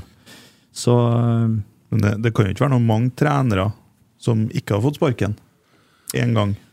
Nei, det er ikke mange, det. Eh, og um, det, det er en del av det, hvis du skal stå i overtid. Den teorien min om å pike når du er 55, den innebærer nok at du har hatt litt motgang og hatt en sånn en, eh, Ja, altså- eller to i bagasjen. Det gjør det. Hvor mange ganger fikk en Nils Arne sparken i Rosenborg? Ja, og så er det de eksemplene hvor eh, mange av de andre faktorene har slått inn, ikke sant, med slitasje og litt lei og litt ønske om noe annet, og det andre stemmer og sånn, men så får man resultat. Så går det bra lell. Så mm, da det, det, Sånn er fotballen. Mm. Jo, og jeg tenker på, jeg har jo lest fryktelig mye, og vi har jo et lass med bøker, og det er jo mye trenere oppå hylla her.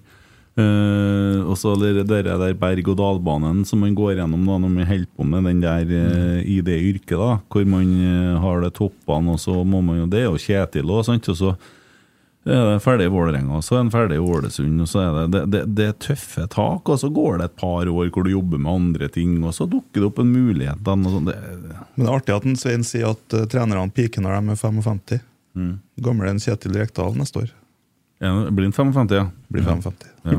Nå, det, det var jo det var en sånn litt tilfelle årstall jeg sa, og så er det ikke gjelder ikke for absolutt alle heller, men eh, jeg har litt trua på det. har jeg. Nå skjønte jeg at vi vinner neste år. Jeg gjorde det faktisk. Sånn jeg tolka det òg. Men jeg tenkte i stad, når du snakka om han eh, nye spilleren som de har kjøpt opp i nord der eh, Hvis ikke vi nå. Ja, spiller ikke noen rolle. De kan jeg hente hvem faen de vil. For det spiller ingen rolle. Jeg håper de forsterker laget sitt overalt. Det går bra. Vi slår dem uansett. Før jeg var en som var snakka om på Twitter, en danske på så sier jeg, Hvor var han i slutten på oktober? Da så han ikke jeg.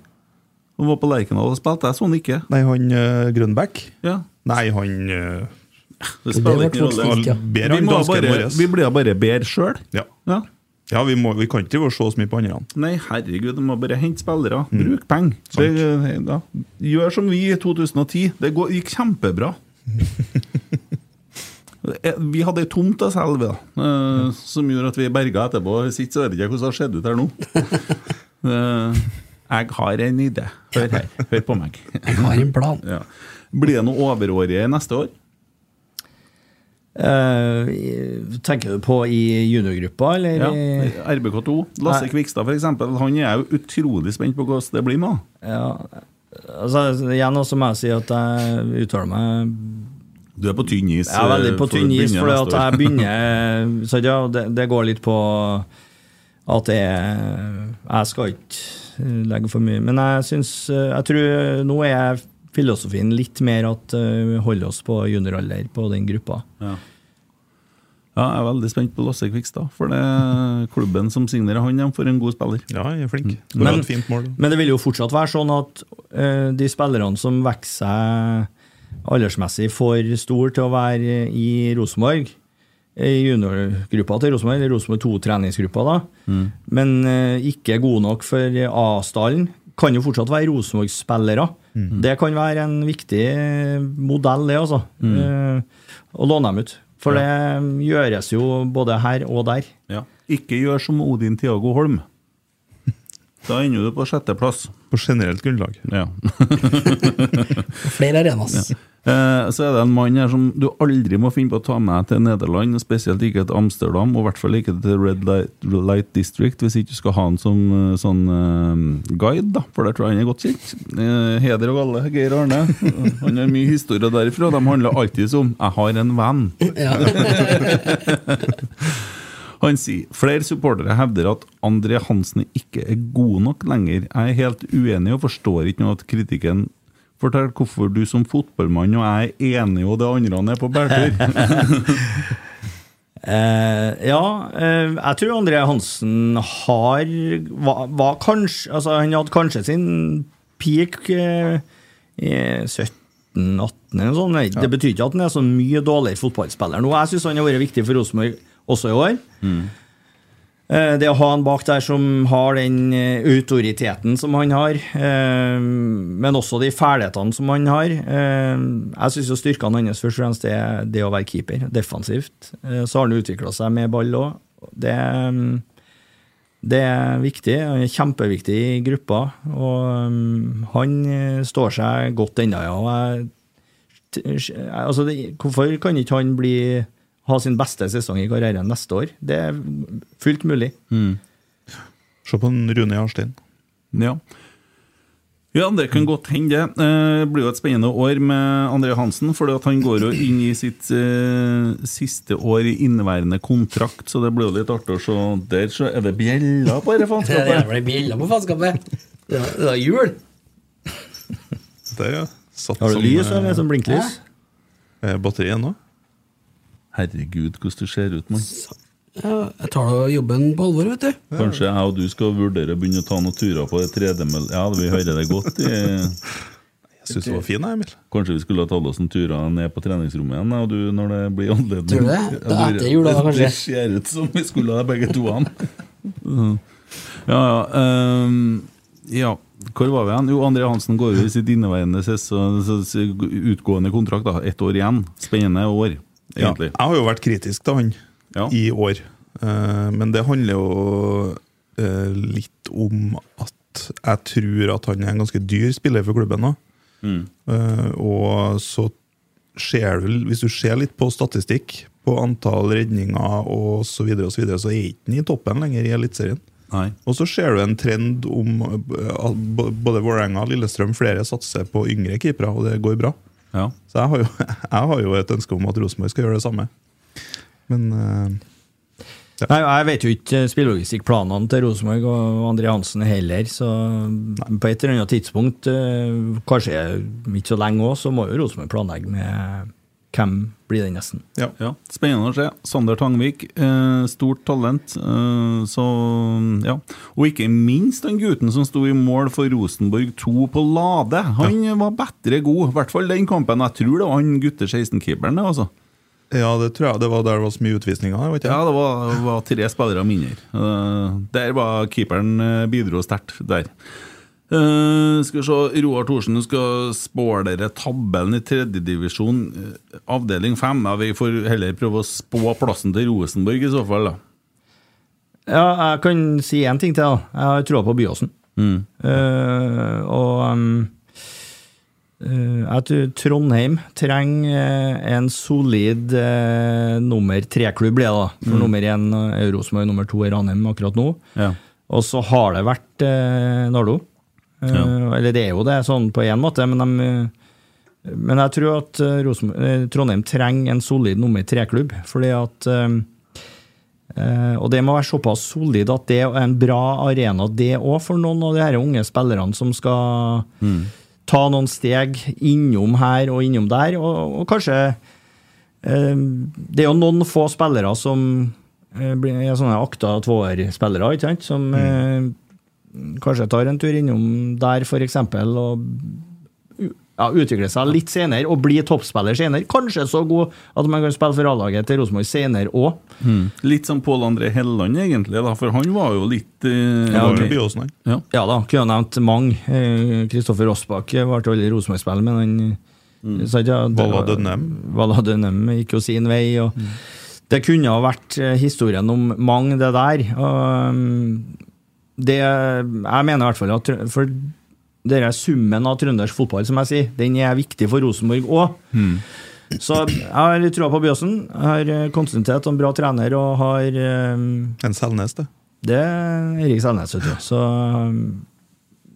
så jeg har litt trua på dem. Uh, Kommer til å kjempe i toppen. Så blir det litt forventninger til dem nå, som jeg er med å bygge opp litt nå. Ja, ja. Men eh, så de just eh, begynner å få til noe solid, ja. Så gjenstår det å se hvordan de bygger gjennom resten av vinteren, og det er helt avgjørende, tror jeg uansett, for eh, den klubben som skal ta det steget og bli en sånn klubb som jeg etterlyser. det er like mye klubb, en klubb, altså klubbdrift, med en solid klubb i ryggen som gjør at det ikke er bare avhengig av hvilke spillere som til enhver tid er og treneren, men at det, det blir solid. da. Så det er avhengig av det. Men jeg tror det. altså For andre jeg skal ikke spå så mye om Rosenborg ennå. Uh, tror fjerdeplass. Ja, jeg skulle til å si topp fem. Der er jeg ganske blank, ass. Ja, jo, men uh, det er ikke noe grunn til å ikke Kanskje jeg får en idé hvis jeg tenker litt. ja, Det går jo sikkert like bra med som det blinker lys, da! Der, ja. Er det sjampis? Fant bryteren. I midten er sjampis med hol? Ja, det er det òg, ja. Ja. Fy faen, for en grusom genser. Nydelig, da. Ja, Det der var ille på mange måter. Det, takk til naboen herre, da. Morten Restad, Ja. ikke Pål Restad. Ja, altså. Og takk til Pål Restad òg. Takk til Pål Restad òg, ja. Ja. Han er glad i Ranheim, forresten. Ja, det er han. Veldig glad. Ja. Eh, veldig glad. Pepsi Max. ja. Eh, si det, ja, si en plass, si en plass, så kommer jeg videre her. En plass? Ja. Leksvika. Ja. Ok, Da ender de på Leksvika og Rosenborg 2 neste år, ifølge Emil Eide oh, ja. Eriksen. Hva er hovedfokuset til G18 og G15? Um, jeg skjønner ikke spørsmålet helt, for nå, er det, nå er det jo sånn at uh, kamp, de ulike kamparenaene til Rosenborg nå neste år vil være tredjevisjon. For de beste, junior, altså beste juniorspillerne i klubben eh, skal jo i utgangspunktet ha det som kamparena. Eh, det vil være noe som heter for gutte 19 nasjonal serie, som eh, ikke går i vanlig sesong, men som er mer sånn Champions League-modell, jeg som går litt utafor det kvalik før sesongen, blant annet. Og de lagene som gjør det best der, de eh, får muligheten å spille videre utover. Så vet jeg helt kampsystemet utover, men det er i hvert fall en kamparena. Så er det eh, nytt av neste år, da, gutte 17 nasjonal eh, liga, som da er Ja, For det ble 15, 17 og 19, blir ikke det? det er riktig. Gutte 15 nasjonal liga, gutte 17 nasjonal liga er de andre kamparenaene til Rosenborg. Eh, Men 16-gjengen skal vel kanskje ut i og med at de vant cupen? Er ikke det noe da at du får eh, De skal spille noe sånn skandinavisk, ja. Ja. ja. ja, de, eh, Men det er nå, det er det er nå, det. Ok. Vi skal jo reise nå, i Ja, disse er nå. dager en gang snart, eh, til Sverige, tror jeg, og Ja. møte eh, blant de beste lagene i Skandinavia der. Så det er en sånn bonuscup som gir eh, Rosenborg eh, spillerne internasjonal erfaring òg. Det er jo internasjonalt sånn per definisjon. Og eh, møte de beste lagene fra de andre eh, Treffe- skandinaviske landene. Og da hilser vi til den hverdagen, så går du ut oppsigelsestida di og leverer. Det er jo ikke å begynne å sove, ta, altså begynne å sykmelde seg på slutten her. Stå må løpe ut. Lenge til jul ennå. Ja. Det blir ikke noe sykemelding på Nils Petter Østland, så de kommer til å gi gass. Ja. Så er det noen spillerne som skal prestere, men eh, det, blir, det er akkurat det og jeg syns jeg er veldig bra for Rosenborg. Hun, som, kona Nå skal jeg til å si samboeren. Kona, ja. kona hun eh, reagerte på at han bantes så mye han, eh, i innsiden. Det var voldsomt, det. Tenkte Men, jo, faen, det er jo bare guttunger. må- nei, men det er rett, det skal fyres på Å, rett nivå. å, Jo, faen. jo, men han er, det, det, da er jeg virkelig alvor. Rosenborg er fra Verdalen, da. Ja. Ja, han er jo det. Det er uskyldt. Ja. Men eh, svarte jeg på, for at eh, det er de, de arenaene. Så, Ja. så det er litt nytt av neste år. Og det, jeg liker den modellen litt, for at uh, istedenfor at det, liksom, det er det hoppet fra 16 til 19, så er det et sånn mellom, kall det, et mellomsteg nå. Og det er litt tilpassa internasjonalt òg. Men da skal du ut og begynne å plukke 13-14-åringer nå, til Rosenborg?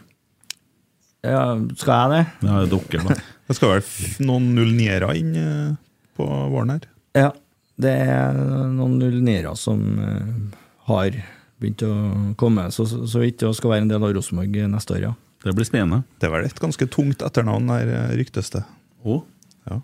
Nei, Skal- jeg ikke det er jo, de er jo så unge, jeg har ikke noe lyst til å legge eh, press på Nei, det blir jo litt sånn vanskeligere. Skal vi kan ikke drive oss og hause opp Nei, det der. jeg har ikke noe lyst til det. Men, Men det er ja. et gjenkjennelig navn. Men det er NFF som har tatt regien på det. Det er dem som setter opp strukturen, og ikke NTF, altså Norsk Toppfotball. NTF, Så med, med andre ord så er vi, vi klubbene sjøl Ja. som har eh, lagt opp strukturen i her. Ja. For det, det, det er, altså, NFF er jo fotballforbundet som er organet for alle, og som skal ivareta alles interesser.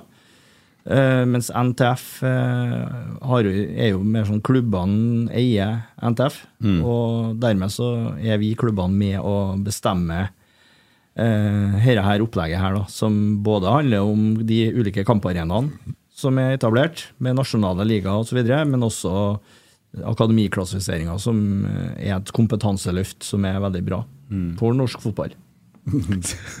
Sitter og gulper. Det kom en ufrivillig rap, hørte jeg. Jeg tror ikke så mye Pepsi-smak, så jeg så det begynte å flire. Jeg tenkte jeg skulle prøve å holde meg alvorlig, men jeg skjønte den og litt gjennom. Sorry, temaer, ja, så- sorry. Og så begynte jeg å tenke på det. Det var en ting med Nederland. Sorry, det rapen var helt eh, Litt sånn som dattera her. Plutselig raper jeg. Men eh, det går mye Pepsi Max, da. Sånn er det. Eh, Nederland innfører gress.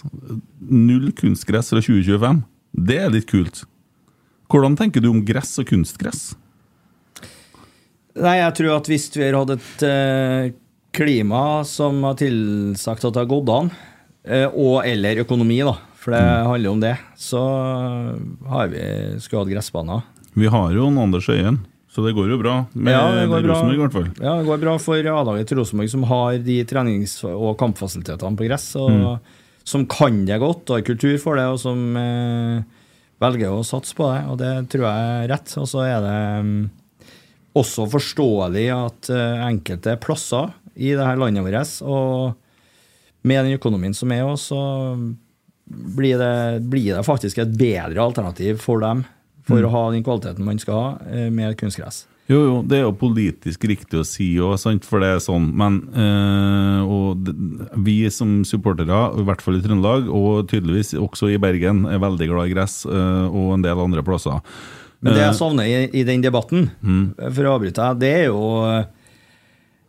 sånn som jeg, Nå er jeg litt på tynn is, da, men sånn som jeg har forstått det, så altså det å holde en kunstgressbane ved like, bytte ut kunstgresset så ofte som man faktisk må gjøre for å holde toppfotballstandard eh, Det må begrenses, slitasjen på, på et kunstgress òg. Du kan ikke ha Har du alle lagene utpå der, så må du skifte ganske ofte. Kostnadene ved dette her eh, trenger ikke å være så mye billigere enn å holde eh, noen gressbaner vi liker. Anders Øyen sier at det er billigere å ha gressbane. Ja, jeg hører, jeg hører han si det. Og så er- er det for et A-lag. Mm. Og så må klubbene ta hensyn til en helhet. Sant, ja? De skal For det blir en forskjell da på Nardo og Rosenborg der, sant? Det Ja, Det skjønner vi. Men jeg snakker om toppfotballagene nå. Ja, ja. Jeg holder meg til dem. For breddefotball må man fortsatt ha kunstgress. Ja. Sånn så enkelt er det. Men da får du en case der. For du nå utdanner spillere på kunstgress.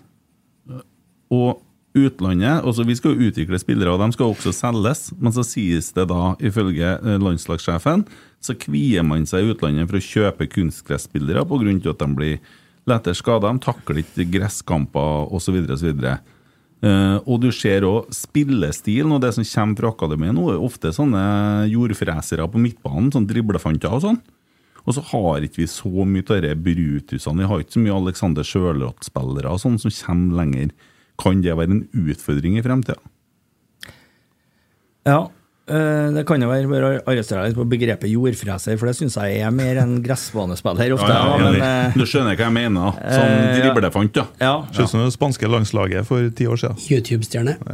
Ja, eh, det er jo et poeng, det er ikke noe tvil om det. Og så snakker jo han om de spillerne altså Når de begynner å komme en viss alder, så bør man ha begynt å utvikle seg til å bli en gresspiller, er hans tese. tese. Så, men i den debatten så håper jeg at den kan Og jeg spår egentlig òg kanskje at de neste årene at den kan komme litt sterkere inn den her at eh, økonomisk så kan det faktisk eh, stå seg. Men det handler litt om kunnskap òg. Det, det er ikke sikkert at det altså Det er jo kanskje må ha et løft, da. Ja. Kompetanseløft på det å få til gode gressbaner. Vi må, Anders Øyen må rundt og lære opp flere, da. Ja, ja, men han vil jo det. Og det sier jo Kåre òg. Han til og med ringte jo fra Bergen, han.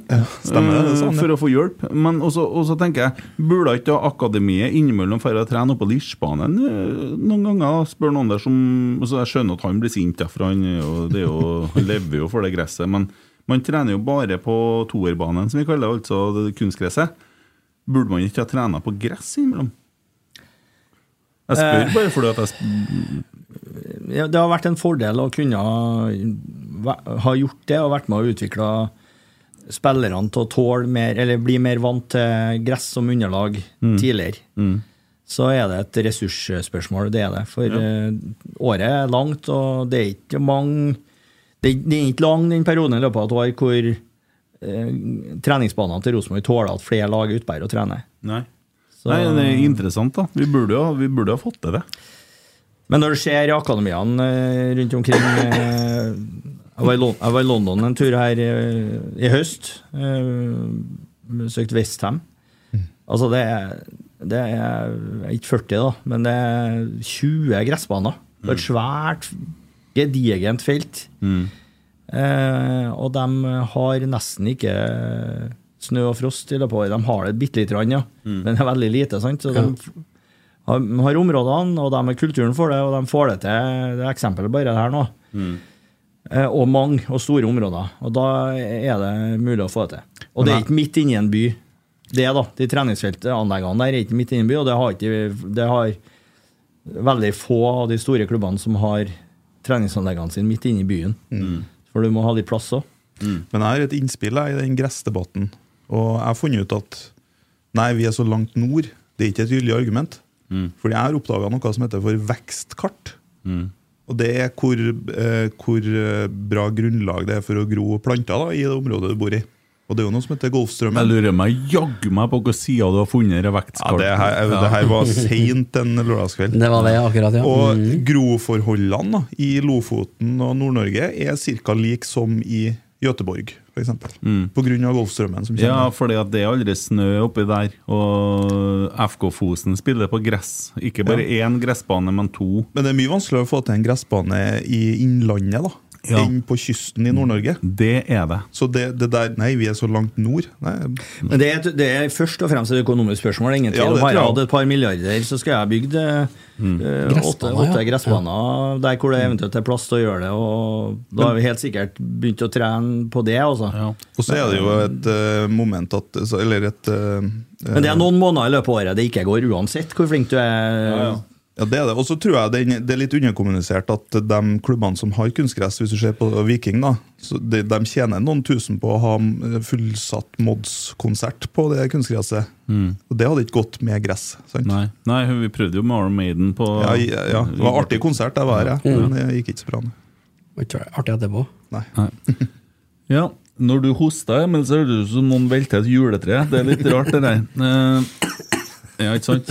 Linda Pernille Dalehamn sier altså automatisk er en pod fra herlig rotsekk på en onsdag, og etter en heller tøff dag var det klart for pod i dag, men hva faen, jeg må vente til i morgen. Altså, det går ikke an. Onsdag pluss rotsekk er lik sant hardt liv. Da kan vi opplyse Linda Pernille Dalehamn om at eh, det blir ikke pod på onsdag, eller det blir på tirsdag. Ja. Da kommer han Ivar. Det gjør han. Ja. Eh, konge fra Eivind, Og så torsdagsbikkja, spør om Svein Aksel Målen og drilling i 352, der vi snakka om. Svein Aksel, ja. Ja, det har jeg ikke hørt. Heter, heter du det? Nei. Nei. Det er jo hyggelig. Svein Aksel. Det er en fint navn. Og så videre. Ja, ja. Så spør han Alexander Yngleplass hva tenker du om at Rosenborg og Ranheim stadig henter yngre spillere. Føles litt som å snakke om det. men- Ja. Ehm, jeg har kanskje ikke snakka voldsomt om det, men vi lever i Jeg var litt inne på at vi lever i en verden hvor vi er nødt til å konkurrere. Og ehm, nå er det jo sånn at eh, den akademiklassifiseringa, altså den modellen som norsk fotball sammen har lagt opp til hvordan vi kan utvikle enda bedre unge spillere i landet vårt, den legger annet opp til at du må henge, liksom, du må henge med. Du må være med. Du må være med liksom. du, du får betalt for å være med i de ligaene, eh, nasjonale ligaene. Du, du får, får ikke betalt, men du, du får de her stjernene, og du, får, sant? Du, må, du må være med på det. Um, så det er ett argument. Det at uh, Rosenborg ønsker og mener det er rett, og må litt òg være med i den gutte 15 nasjonale liga. Som betyr at uh, må hente spillere som er 14-15 år. Jeg har jo en stesønn, jeg er født i 2009. Jeg syns det er helt sjukt at eh, Ja. guttene i klassen hans skal spille på Rosenborg liksom, til våren. Men sånn er det nå. Ja, De klubbene vi vil sammenligne oss med, har jo lag enda yngre.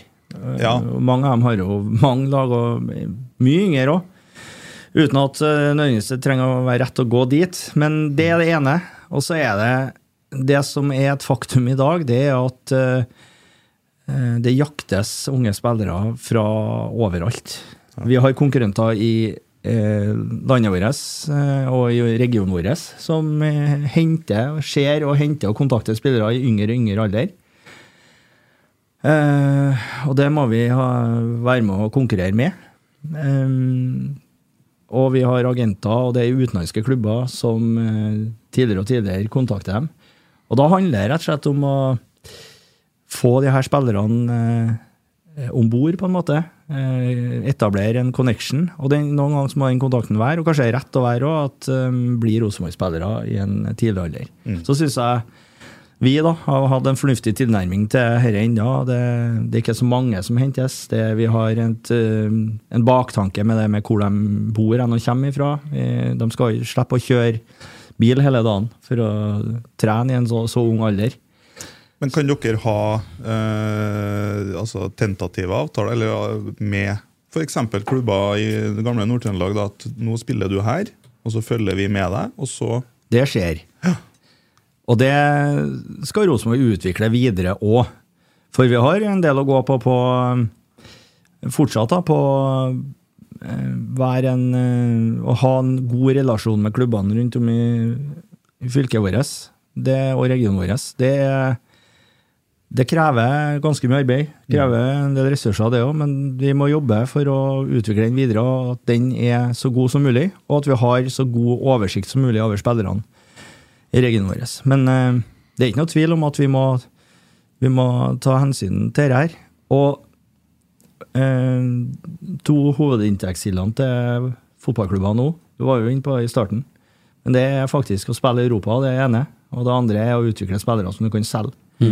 Der er de store pengene. Ser du på kakestykkene hvor inntektene til klubber kommer, og de beste klubbene kommer ifra, og da snakker jeg om beste klubbene i Norge òg, så er det de to områdene som virkelig får den kaka til å vokse. Ja. Se for deg at det hadde vært for eksempel publikumsoppslutning og samfunnsansvar. Da har jo Molde vært borte. Vi snakka jo om Midtjylland i stad. Og i spillersalg fra i Norden så er jo dem i, nesten i en særklasse. Mm. De selger jo spillere for 200 millioner. Ja, og de driver jo fabrikk. altså De henter jo spillere av hele verden, faktisk. eh, Og driver, et akademi, driver akademi på den måten. Så det er ikke sikkert eh, det er veien å gå for Rosenborg eh, ennå, i hvert fall. Nei, jeg håper ikke det, da. Men, uh. Vi har jo fått muligheten til å signere en spiller i rotsekk. Jeg vet ikke om jeg har fått med dere det. Uh, jeg må bla litt og finne, ja. Men uh, ja, jeg kan se om jeg finner den. Ja, den, ja.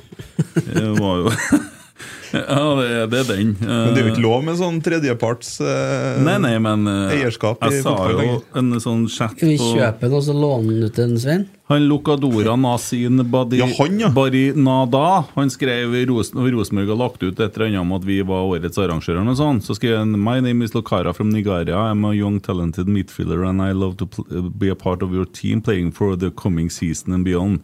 I'm available to provide the necessary information needed. Så må jeg jo forklare hvordan ting funker i Rosenborg, som den First House-podden vi er. Så jeg ser jo at uh, uh, Lokadaran, altså den uh, Barinada You have to go to rotsekk først, sjø. Skriver jeg. Og så går det en dag. Tok, ja, det tok to minutter. det. kom det en melding til meg. Hello, Mr. Kent. Fra Lokadaran, altså din uh, Barinada. Og vi kan jo alltids uh, dra herre langt, og vi signer opp for gutten. Også. Vi har jo en til, vet du. Ja. Det var en som tok kontakt ja, med meg en- ja, ja, på. Twitter. Ja. Og han hevda jo hardnakka at han var nevøen til en eh, Robert Boateng, Ja. som var i Rosenborg i 97. Ja. Og jeg stilte jo litt sånn kontrollspørsmål da, om ja, sier du det, ja, hvordan var Men han hadde kontroll, da. Det kan jo hende at det er Neven. Ja, ja, men, I så fall så er han jo søskenbarnet til en Kevin Prince eh, Boateng og en Jerome Boateng. ja, men da har vi jo to spillere. Vi har det. Vi har en Vi, til en vi, eh, kan ha Robert. ni, også. vi kan ha ni. Vi skal spille, med nå? Ja, hvis vi lager vi et eget Jeg vet ikke vi må starte i sjette divisjon. Vi hiver inn på FK Fosen. vet du. Ja, det kan vi gjøre. Ja. Så blir det litt sånn Trønderlyn ute på- i Bjugn. Ikke noe problem. Ja. Heder og Galle igjen spør om vi signerer Finnen, hvem i trenerapparatet anser du da som best egnet til å ta på seg ansvaret og ha 3,5 i promille og uttale navnet hans riktig? Eh, får du til å si hva han heter, han her? Santeri Vananen. Vana- Vananen. Ja, det Ja, Innafor det. Det holder, det. Ja. Vennene. Uh, og så spør han hva er Rekdals sterkeste side som trener? Eh, vanskelig å nevne én. Eh, han er en veldig god taktiker, da. Eh, flink til å prioritere hva man må gjøre inn mot kamp, spesielt, nesten spesielt under kamp. Um, og så syns jeg, jeg han imponerte meg i år med måten han leder klubben og laget på, eh, som leder. Jeg syns har vært med og skapt uh, nytt engasjement igjen, og ny tro gjennom uh, måten å kommunisere på. Um, uh, så han han er en bra leder på en del av de områdene som, som du må være god på Mm. som leder. Så det syns jeg kanskje jeg ville også ha trukket frem langt opp der. En voldsom dedikasjon, det må alle ha hvis du skal lykkes, da. Mm. Ja, og god på å finne riktige folk til å ha rundt seg, tror jeg. Jeg har vært nøye med det. Mm. Godfotteorien eh, er en, eh, den har han skjønt i forhold til akkurat det.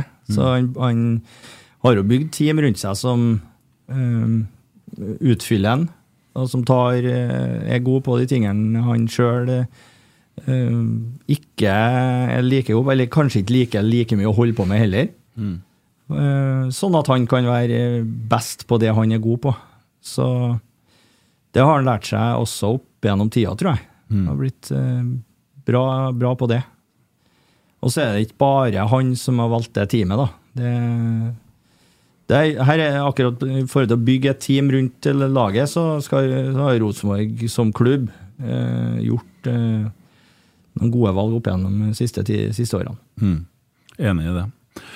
Dag Alexander Gamst, hva trigger deg med denne jobben, og hvorfor valgte du denne framfor andre tilbud innenfor Eliteserie Obos, som jeg vil tro du har fått?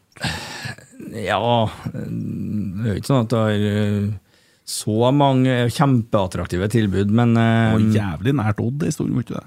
Ja, ja, samtaler med dem, ja.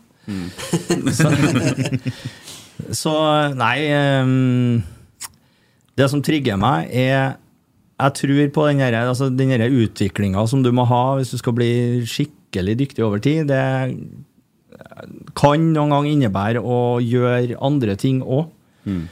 Ikke bare stå ute på feltet der og alt handler om å ta tre poeng på søndagen.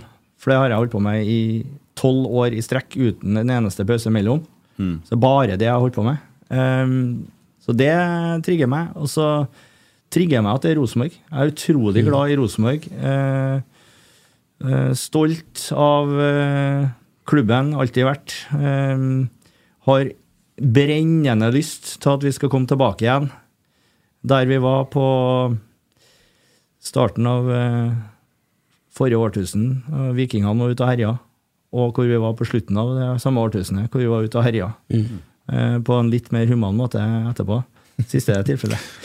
eh, nei, men det er for at eh, alt handler om stolthet. Eh, I fotball, Det er det vi blir drevet av. Det er stolthet, faktisk. Tror jeg det er et ord som vi ikke må glemme. Og hva er det som skaper stoltheten? Eh, Jo, den, det er klubben vår, det er byen vår. Vi er fra landsdelen her, vi er trønderne. Vi, eh, og Dere der brenner jeg innmari for, å få lov å være med i den klubben, som for meg alltid har vært favorittklubb nummer én i hjertet mitt. Um, det er også en av grunnene.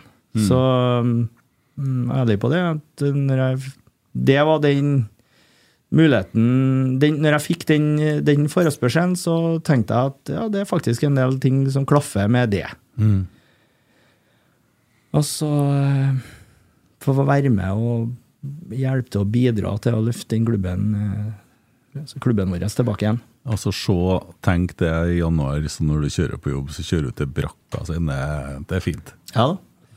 Det, det er fint, og så må det ikke være Jeg er veldig bevisst på det at det må ikke være for fint. altså Det må ikke være at det er det i seg sjøl, at det er en stas eller eh, sånn. Men jeg har vært såpass mye ute og opplevd en del andre ting, og, og sånn at uh, det er det jo selvsagt ikke for meg. Men uh, nå står jeg med har jeg, har jeg med meg en del erfaring også, sånn at det å Altså den følelsen at jeg kommer inn med noe som kan bid, virkelig kan bidra til at klubben blir bedre, den er der òg, selvsagt.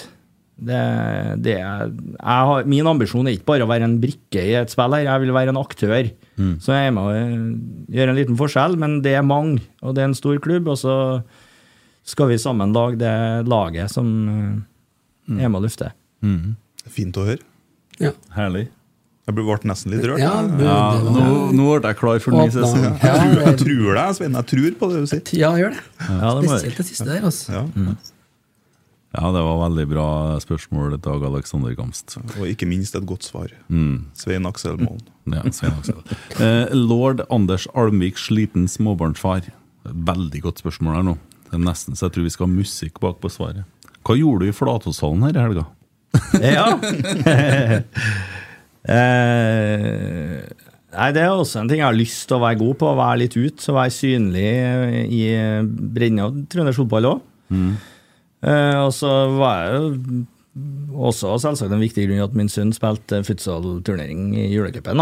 Mm. Så, eh, Men jeg måtte innom eh, kunstgresset og se på åtteåringene òg. Og seksåringene og sjuåringene som spilte med vant den ene dagen, og den aktiviteten der. Og, og så femmerfotball dagen etterpå på kunstgress der, og oppe i futsalene og se på 16-åringene som eh, spilte. Og um, der var jo Der var jo, så jeg jo en eh, Han skal jo først og fremst være spiller. Da. Sverre Nypan var jo med i trenerapparatet til Nardo, vet du. Så det var Ja. Spiller på to hester, han. artig, da. Ja. Jo, det betyr mye vet du, for, eh, for guttene. Og når det kommer sånne som deg og ser på, så vet de nok godt hvem du er. Og det, det gjør litt ekstra stas der, så. Ja, men sånn skal det være. Ja. Og vi, vi, vi har, Rosenborg har litt å gå på, har vi, på å være synlig eh, ut. Ja. Uh, så har en ambisjon om det òg. Å, du kan få bli med til FK Fosen, vet du. Ja da. Ja. Det skal ikke bort fra at jeg Jo, men vi, vi har jo sånn, han Kjetil sa ja til det å være med utover og så ta en trening og gjøre litt stas med dem. For det, det er jo Rosenborg gjorde jo sånn før. Ja, og det, det er kjempebra. Kjetil gjør jo mange sånne ting Men som vil ha med deg òg. Ja, jeg er med til FK Fosen og kan være med andre, andre plasser òg. Ja. Det del, og det er en del av eh, jobben min, det. Ja. Jeg husker jo ennå jeg på Tine fotballskole på Viksletta, når jeg var pur ung. Da var det jo Rosenborg-spillere der, vet du, for da kom Ja. de dit. og Så var det en Mini her, husker jeg. Og så uh, gikk jeg dritnervøs bort til ham og spurte uh, Hei, Mini, kan jeg få autografen din? Nei. Å! Nei! Fikk ikke. Ikke snakk om. Å, nei. Jeg måtte vente til det var sånn oppsatt autograftid etterpå. Oh, ja, ja. Der har jeg tatt opp med en Mini flere ganger. Det du sa eller hva det, det, er, det er dumt, ass. Det er pinlig stillhet. Ja, det finnes Ja, men han hadde en god grunn, av det skal Ja, sies. Han nei, hjelper Mini er fin. Eh, Du skal få autografen min når du vil, Emil. Å, tusen takk. På puppa nå, hvis det er det som skal til. Hvis Ja, det... der har jeg et annet navn. men- Ja, det har du, ja. ja. Linda Pernille Dalehamn igjen. Det var jo Linda som var litt skuffa i stad. Um, Si hei, Linda, si. Hei, Linda. Ja, det er bra, Emil. Eh, det var like bra som den bursdagshilsenen den Christer laga til han mannen. det, var, det var ubekvemt, den Christer. Gratulerer med dagen. Ja. Gratulerer med ny jobb i RBK, Svein. Hva er høydepunktet i din karriere, og hva vil du gjøre for å toppe det? Ja. Nei, Høydepunktet er utvilsomt når vi rykker opp til Eliteserien med Ranheim. Eh, Det, det er det. Det, og det så, fotball er følelser, og det vil, ting vil alltid henge sammen med forventninger. Eh, og da fikk vi liksom utløp for den sånn ultimate suksessen Ranheim kan ha, tror jeg, å rykke opp til litt Var, var det mot Sogndal, det? Ja, det er riktig. Mikke Karlsen for å sprang tulling ja. ut på sida her. Ja. Så det og må, Det var, handla jo litt om måten vi gikk Altså måten vi rykka på på òg. For vi hadde spilt en relativt bra sesong med et lag som ingen uh, tippa noe særlig opp i toppen her. Og så klarte vi til slutt å komme oss inn på en kvalik. Hadde veldig god utvikling utover året. Spilt utrolig god fotball. Bra angrepsfotball. Og um, det var en gjeng som uh, hvor samhandling og spillestil og kultur, treningskultur, sto sterkt, og sult. Um, og sammen så laga vi eh, et lag som, som spilte god fotball, og som kom til den kvaliken. Spilte ganske tøffe kamper i kvaliken, og for vi møtte sånne lag som var veldig opptatt av å bryte ned, bryte oss ned. Jeg tror det var OL i lange kast i flere av de kvalikene der. Så vi måtte drive og stange unna det og prøve å få den ballen ned på bakken der vi ville ha han å spille fotball. Og så var den kvaliken hvor vi hadde tapt i, hadde tapt i Sogndal den første kampen. Eh, Så vi måtte eh, vinne på hjemmebane. Og den, hvordan den kampen ble bygd opp, sant, hvor vi, hvor vi eh, styrte fullstendig hele kampen. I, det kjentes som det var 17 minus på Ranheim der, med snø og regn fra sida, skal jeg ta si. Og hvor vi klarte straffekonk til slutt. Det var nesten Sogndal som klarte straffekonk, da. Mm. For spillemessig så burde vi jo vunnet kampen, mener jeg, da, tidligere. Mm. Eh, eller avgjort det. Og så får vi inn straffen og straffekonken og, og, og vinner igjen, og så er det, er det var det jo ekstra artig for alle, selvsagt, eh, at det var Mikkel som fikk avgjøre, avgjøre nå. Mm. Som, eh, med hans eh, historikk i straffekonker, blant annet. Han prøvde Det var ikke så artig for Eirik Bakke, syns jeg kan huske på, for han var ganske Da var han vred. Ja, det var flere grunner til det, da. Eh, Skuffelse, selvsagt. Og så var det noen som var flinke til å stikke litt inn òg, tror jeg. Så Mm. det ligger Ja, jeg husker det der. Så husker jeg intervjuet med deg, og kanskje det året etterpå. Så tenkte jeg jøss, dere høres ut som Nils Arne Eggen, for når du har vunnet kamper, sånn, så var det litt sånn kokelig munke innimellom i intervjuene. Så Prata veldig mye, og så var det litt Nils Arne-fakta på deg. Hvor ofte hører du det, Svein? Aldri. Hører du ikke? men, hø hører jeg sånne Nei, intervjuer at folk sier det til deg. At du Å, høres ja. jo Ja, det kan jo være noe noen sier. Men det handler jo sikkert om eh, Det handler jo mye om filosofi, som er veldig mye likt. Mm. Og så um, Og så når jeg Når jeg er på den arenaen og det, så Ja, jeg er nå- prøver jeg å være meg sjøl, bare. Så kan- vet ikke helt hvorfor. Nei, Men, det, det, eh, det er mye Nils Arne-filosofi i, i språket ditt, da. Sant, ja. ja, Det er jo det. det er for mye, vet du. Nei, men det, jeg liker det. For det Ja. får litt sånn Trenger ikke være gærent, det. Nei, nei, Nei, ja. Det er bare å fortsette. Hun spør òg hva du ville gjøre for å toppe det høydepunktet. Ja. Eh, jeg kan skal si til det. eh, Hvis du ser i glasskula, hvor er du hen om ti år?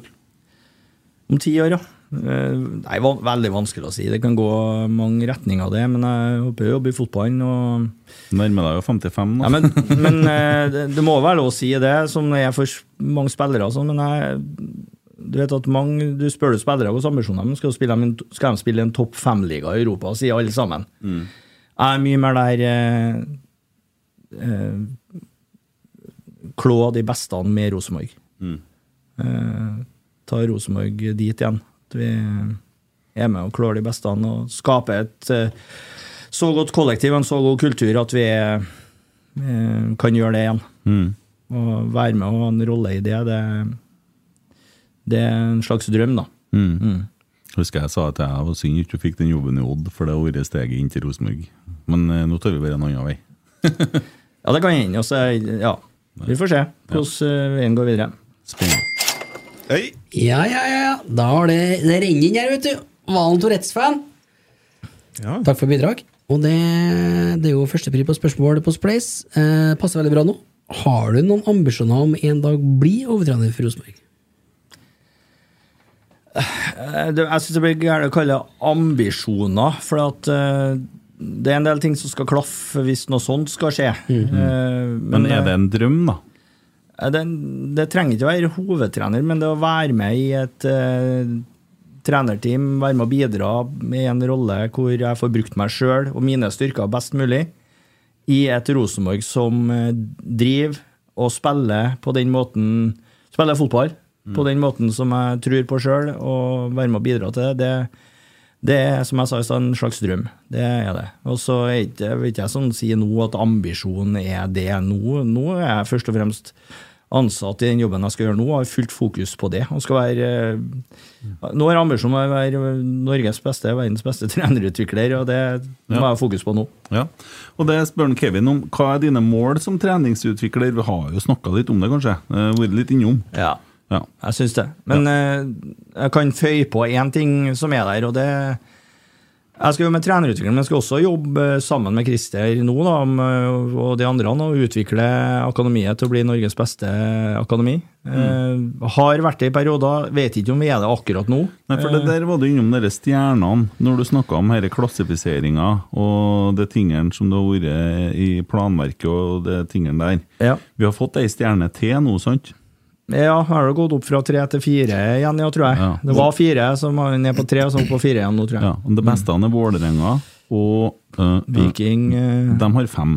Ja, de har fem. Ja. Uh, Og en, minst en klubb til som hadde fem. Tre, fire, fire-fem klubber. Kan jo være. Stabæk? Jeg skulle til å si Stabæk. Ja, men jeg må skynde meg å føye til en ting. at Det er ikke sikkert at jeg og vi legger de stjernene som det samme kriteriet på hva det er å være den beste, den, det beste akademiet. For at de kriteriene for å få de stjernene, der er det en del ting som eh, skjærer litt med den måten Rosenborg tenker på akkurat nå. Okay.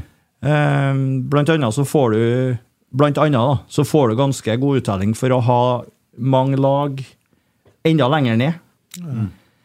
Eh, og så har Rosenborg hatt en vei å gå på, på en del strukturmessige ting på akademiet. Det stilles ganske store krav til planverk.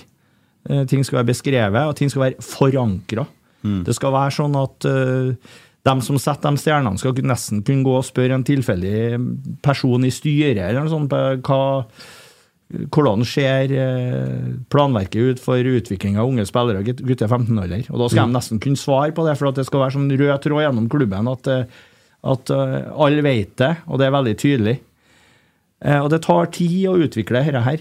Så mm, det var flere ting. Det er flere ting som ligger i det. Men tilbake til eh, det med ambisjon om å bli det beste akademiet i Norge. Det må vi først og fremst bli nå.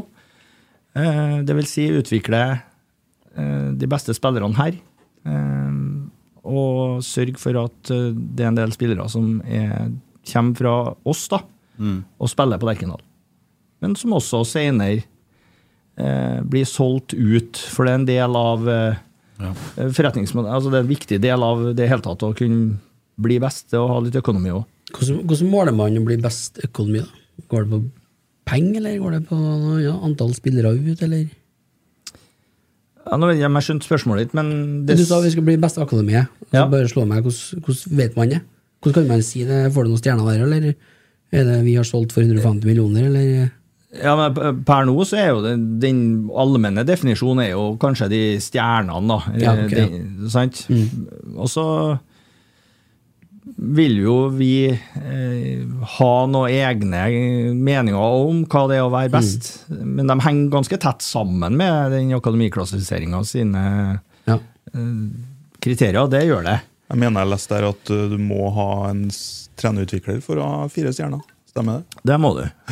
Så du er jo et ledd i Jeg er stjerne. Ja, du er, Men nå har eh, omtrent alle klubbene eh, har trenerutviklere nå, Ja. som, er, som jobber med akademi, akademi og har akademi. men Rosenborg hadde ikke det før du kom. Jo, det har vært det før jeg kom òg. Ja. Så rollen som trenerutvikler eh, hadde jo nå sist Geir Hansen, Ja, selvfølgelig. som har hatt en eh, store del av året her. Eh, når året starta, så var det Roar Vikevang. Og så var det et årsmøte og noen sammenslåinger av klubber som gjorde at han måtte gå litt mer over en litt annen jobb, som vi kjenner til. Bjør- Geir Hansen tok over. Så, og i fjor, så var det, eller året før, så var det Roar Vikvang per definisjon. Men som jeg var inne på i stad, trenerutvikler er en del av hele den jobben og hele den rollen jeg skal ha. Og så er tittelen er det nå. Mange klubber har, er, er akademilederen er også trenerutvikler. Ja. Eh, andre klubber så er mm, kanskje ja, en, en som har ansvar for en analyse, f.eks. med A-laget, er også trenerutvikler. Sånn at du har, kan ha delt det litt, litt delt, i hvert fall. Du har litt sånn fri rolle du nå, på noe, kanskje. Litt sånn Libro Nei. Nei, men vi skal gå opp veien litt mens den går, men vi skal jobbe i team. Og den, er Christer er jo akademileder nå, går inn i sin første sesong som det er nå. Og veldig opptatt av dette her med å jobbe sammen og jobbe i team og utnytte hverandres styrker. Så um, Og så har du jo Sarmed og Alexander Tetti, og det, det er mye bra folk der. Og så har du han som kom inn nå, sant, som er kommer hjem med masse erfaring og Nei. det er, Mye bra folk i akademiet, Ja, altså. det er det, altså. Ja, og forskjellig kompetanse. Ja. ja. Tetti som har spillererfaringer fersk. Mm. Vært i Premier League. Veldig, veldig godt likt i, Ja. av spillerne. Ja, tatt store steg som ja. trener i den korte tida han har virka. Mm. Det må man, for det er mye du skal lære. Du er ikke ferdig utlært når du har vært spiller. Nei. Og så står det på veggen til Rosenborg 'humør'. Ja. Det, det tror jeg Tetti har med litt av oss. Det har han. det er mye fliring rundt den. Eh, Remi Sjøbakk innom det trenger trenere, trenere. Da har vi svart ja på. Svarer jeg. Så svarer jeg ja på det. Eh, og så eh, Tanker om neste sesong har vi Kenneth Eidvik, ja. Akademi, om du har besøk, det har vi snakka mye om. Og så har PK eh, topp tre beste spillere du har trent. Den er litt, det syns jeg er litt interessant. Ja, den er, den er jo fryktelig vanskelig å svare på, for jeg trener jo først og fremst lag. eh, Og er jo veldig opptatt av laget. Så Tre, topp tre beste lagspillere du har trent. ja. Nei, eh, du får jo ekstra hjerte for noen. Og, og noen eh, har jo et helt spesielt talent som tar dem langt. Eh, og noen har de egenskapene som du som trener eh, setter veldig pris på, for det er med å bygge laget så Men- stor grad. Men det, det, du, du kommer jo ikke unna han som sitter i Stavanger, heller han er kanskje i Qatar akkurat nå, men som er på en måte Han er i Oslo, tror jeg. Ikke Ja. ja. Ja, der han er. Ja. Ja, jeg vet ikke hvor den er. Men eh, Kristoffer Løkberg eh, er jo en jeg vil trekke frem som en sånn veldig sansen for. Eh, Det går hos måten han eh, bidro på i Ranheim, og det går også i veldig stor grad på veldig felles tankesett. Ja. ja, for han har jo et voldsomt trenerpotensial. Du hører når han prater, så hører du det, det, og Ja, ja. Dere er litt i samme skeia, dere to. Ja, det tror jeg. Ja. Uh, han uh, kan bli trener, absolutt. Og så får gjenstår å se om han velger eh, kommentatorveien, for det er en vei det òg nå. Eh, Eller om man velger det òg, det å være trener, eller om man velger klovneveien. Altså det, det er en kommentator Det er jo, det er jo mange roller i, i, i, i media nå. Og så har han eh, Det var litt flåsete sagt, det, da. Jo, jo, men det er jeg forstår det er jo noen av dem, det noen av òg. Ja, ja, det er mange av dem. Og så er det jo kanskje mer penger, i hvert fall eh, i starten, i kommentator- eller media enn i treneryrket. da. Men han har et sånn voldsomt engasjement for mye av de samme tingene som jeg har, Kristoffer, og jeg er ganske sikker på at eh, han prøver seg på den trenerveien etter hvert. Han kommer nok sikkert til å starte i Ranheim, tenker jeg. Det, når det byr seg en mulighet Det gjenstår å se. Han eh, har gjort seg bemerka både her og der, han, så det Ja.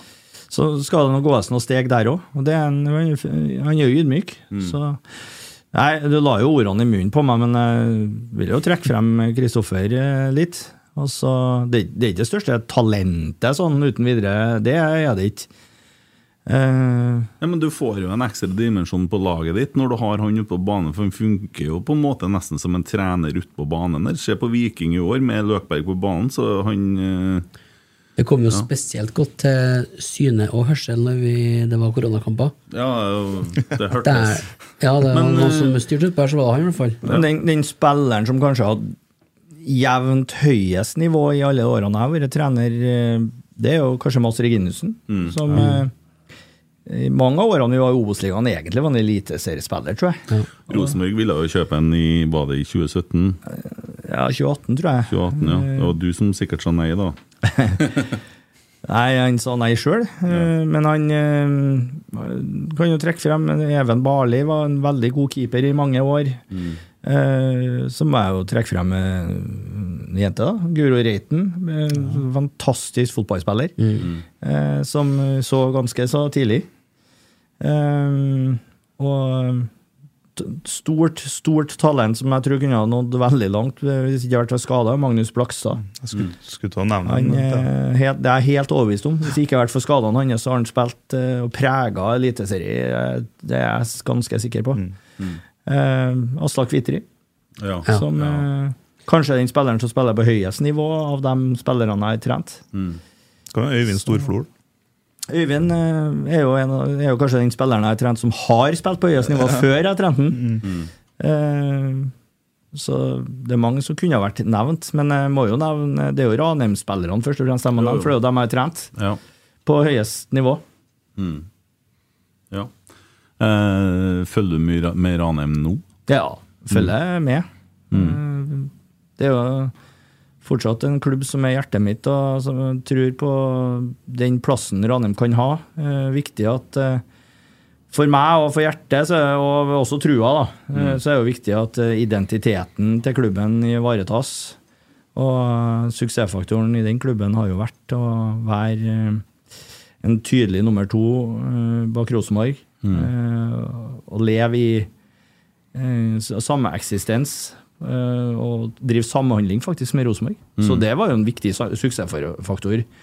Både i, når klubben fikk lov å bli nummer to-klubb, eh, men også etter hvert når eh, når klubben vokste, stadig vokste og gjorde seg befesta sin posisjon tydelig godt opp på Obos-ligaen, så er det samarbeidet med Rosenborg har alltid vært viktig. Det, det samarbeidet tror jeg kan være viktig i framtida for Ranheim hvis man skal ivareta posisjonen. Ja. Syns det var rart at Menert ikke for i sommer. Han eh, var jo linka til Ålesund og litt forskjellig sånn. De var ute etter en spiss, men de var vel og henta han eh, Han eh, Moses, han heter han, Ja, det var et eller annet sånt, i hvert fall. Men ja, det, der har du jo, har du jo virkelig spiller, da. Som er der i dag, da. Som jeg syns uh, ser veldig bra ut. Uh, kanskje litt dårligere i høst, men vårsesongen var helt hinsides bra.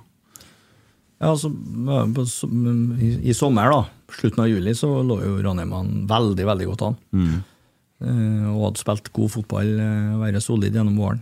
Så eh, på det tidspunktet, det, når man tok de valgene, så kan jeg jo skjønne at eh, man ville gjøre seg slagkraftig utover høsten. Mm. Ja, så gikk det litt eh, Som ofte det skjer med Ranheim. Dårligere høster. Det er jo sånn typisk Ranheim-greie. Eh, Det har vært det i veldig mange av årene. Det har det. Ikke alle, men eh, veldig mange av årene så har det vært litt eh, sånn, ja. mm. Ja. Da kom vi rundt med alle spørsmålene. Hvordan gikk det med deg bort på FK Fosen-benken? Nei, her har det gått rimelig greit, også, men jeg tror, eh, jeg tror Aune stikker av med seieren her eh, om oss. Det var noe som svarte. Ja, ja, ja, men vi endte opp på 22.200 da. Ja, jeg gleder meg faen meg til vi er ferdig med disse spleisgreiene. Vi skal jo ha med, vi skal ha med en Terje Steen i en podkast òg. Ja. Vi skal bli ferdig, og vi har jo noe sånn eh, Vi skal begynne å kjøre ut noen greier og selge til inntekt for spleisen her, da. Så det er som en auksjon, da, kan du si. Ja. Målet er 30 000, vet du. Da har vi, da har vi det vi skal ha.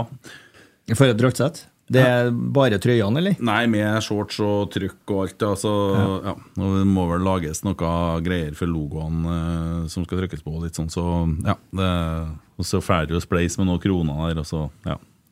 De, de, de det bra, spleis. Ja, vi har en bra greie på gang der, altså. Ja, ja. Det skal vi ha. Nei, dæven! Nei, dæven, ja.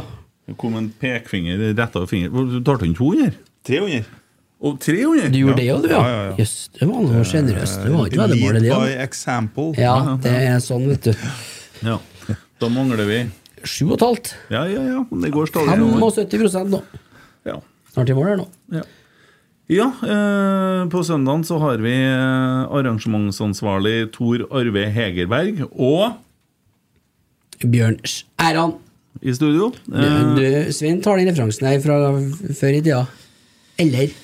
Jeg ser du smiler. Ja, jeg vet ikke helt Jeg bare husker på når, de, når Lars Petter Berg eller hva det var for noen satt over på radioen. Så satt de når han, eh, ikke Kim Ruud Petersen, da? Og ja, den gjengen der, da. Ja, ja. Og, Radio og- 1. Ja, men da satt de alt, over, alt, satt over alltid til Bjørn Æran. Og veldig sånn trykk på den der. Den har jeg vokst opp med og husker på ennå. Mm. Men så, Bjørn har vært her før, og det blir jo Han har ikke vært her, da. Han har vært på Zoom. Ja, det var på Zoom, det ja. den tida der, det. ja. faen meg lenge siden. Ja, Det var en god episode. ja det var artig, det. Og han har lovt noen historier som er helt hinsides, så Ja, det blir artig. ja. Ja. Så, og så er det da Ivar Kotteng på tirsdag. På tirsdagen.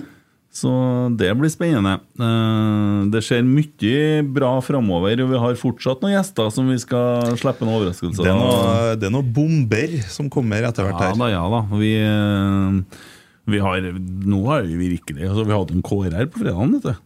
Det, vi er fornøyd med det.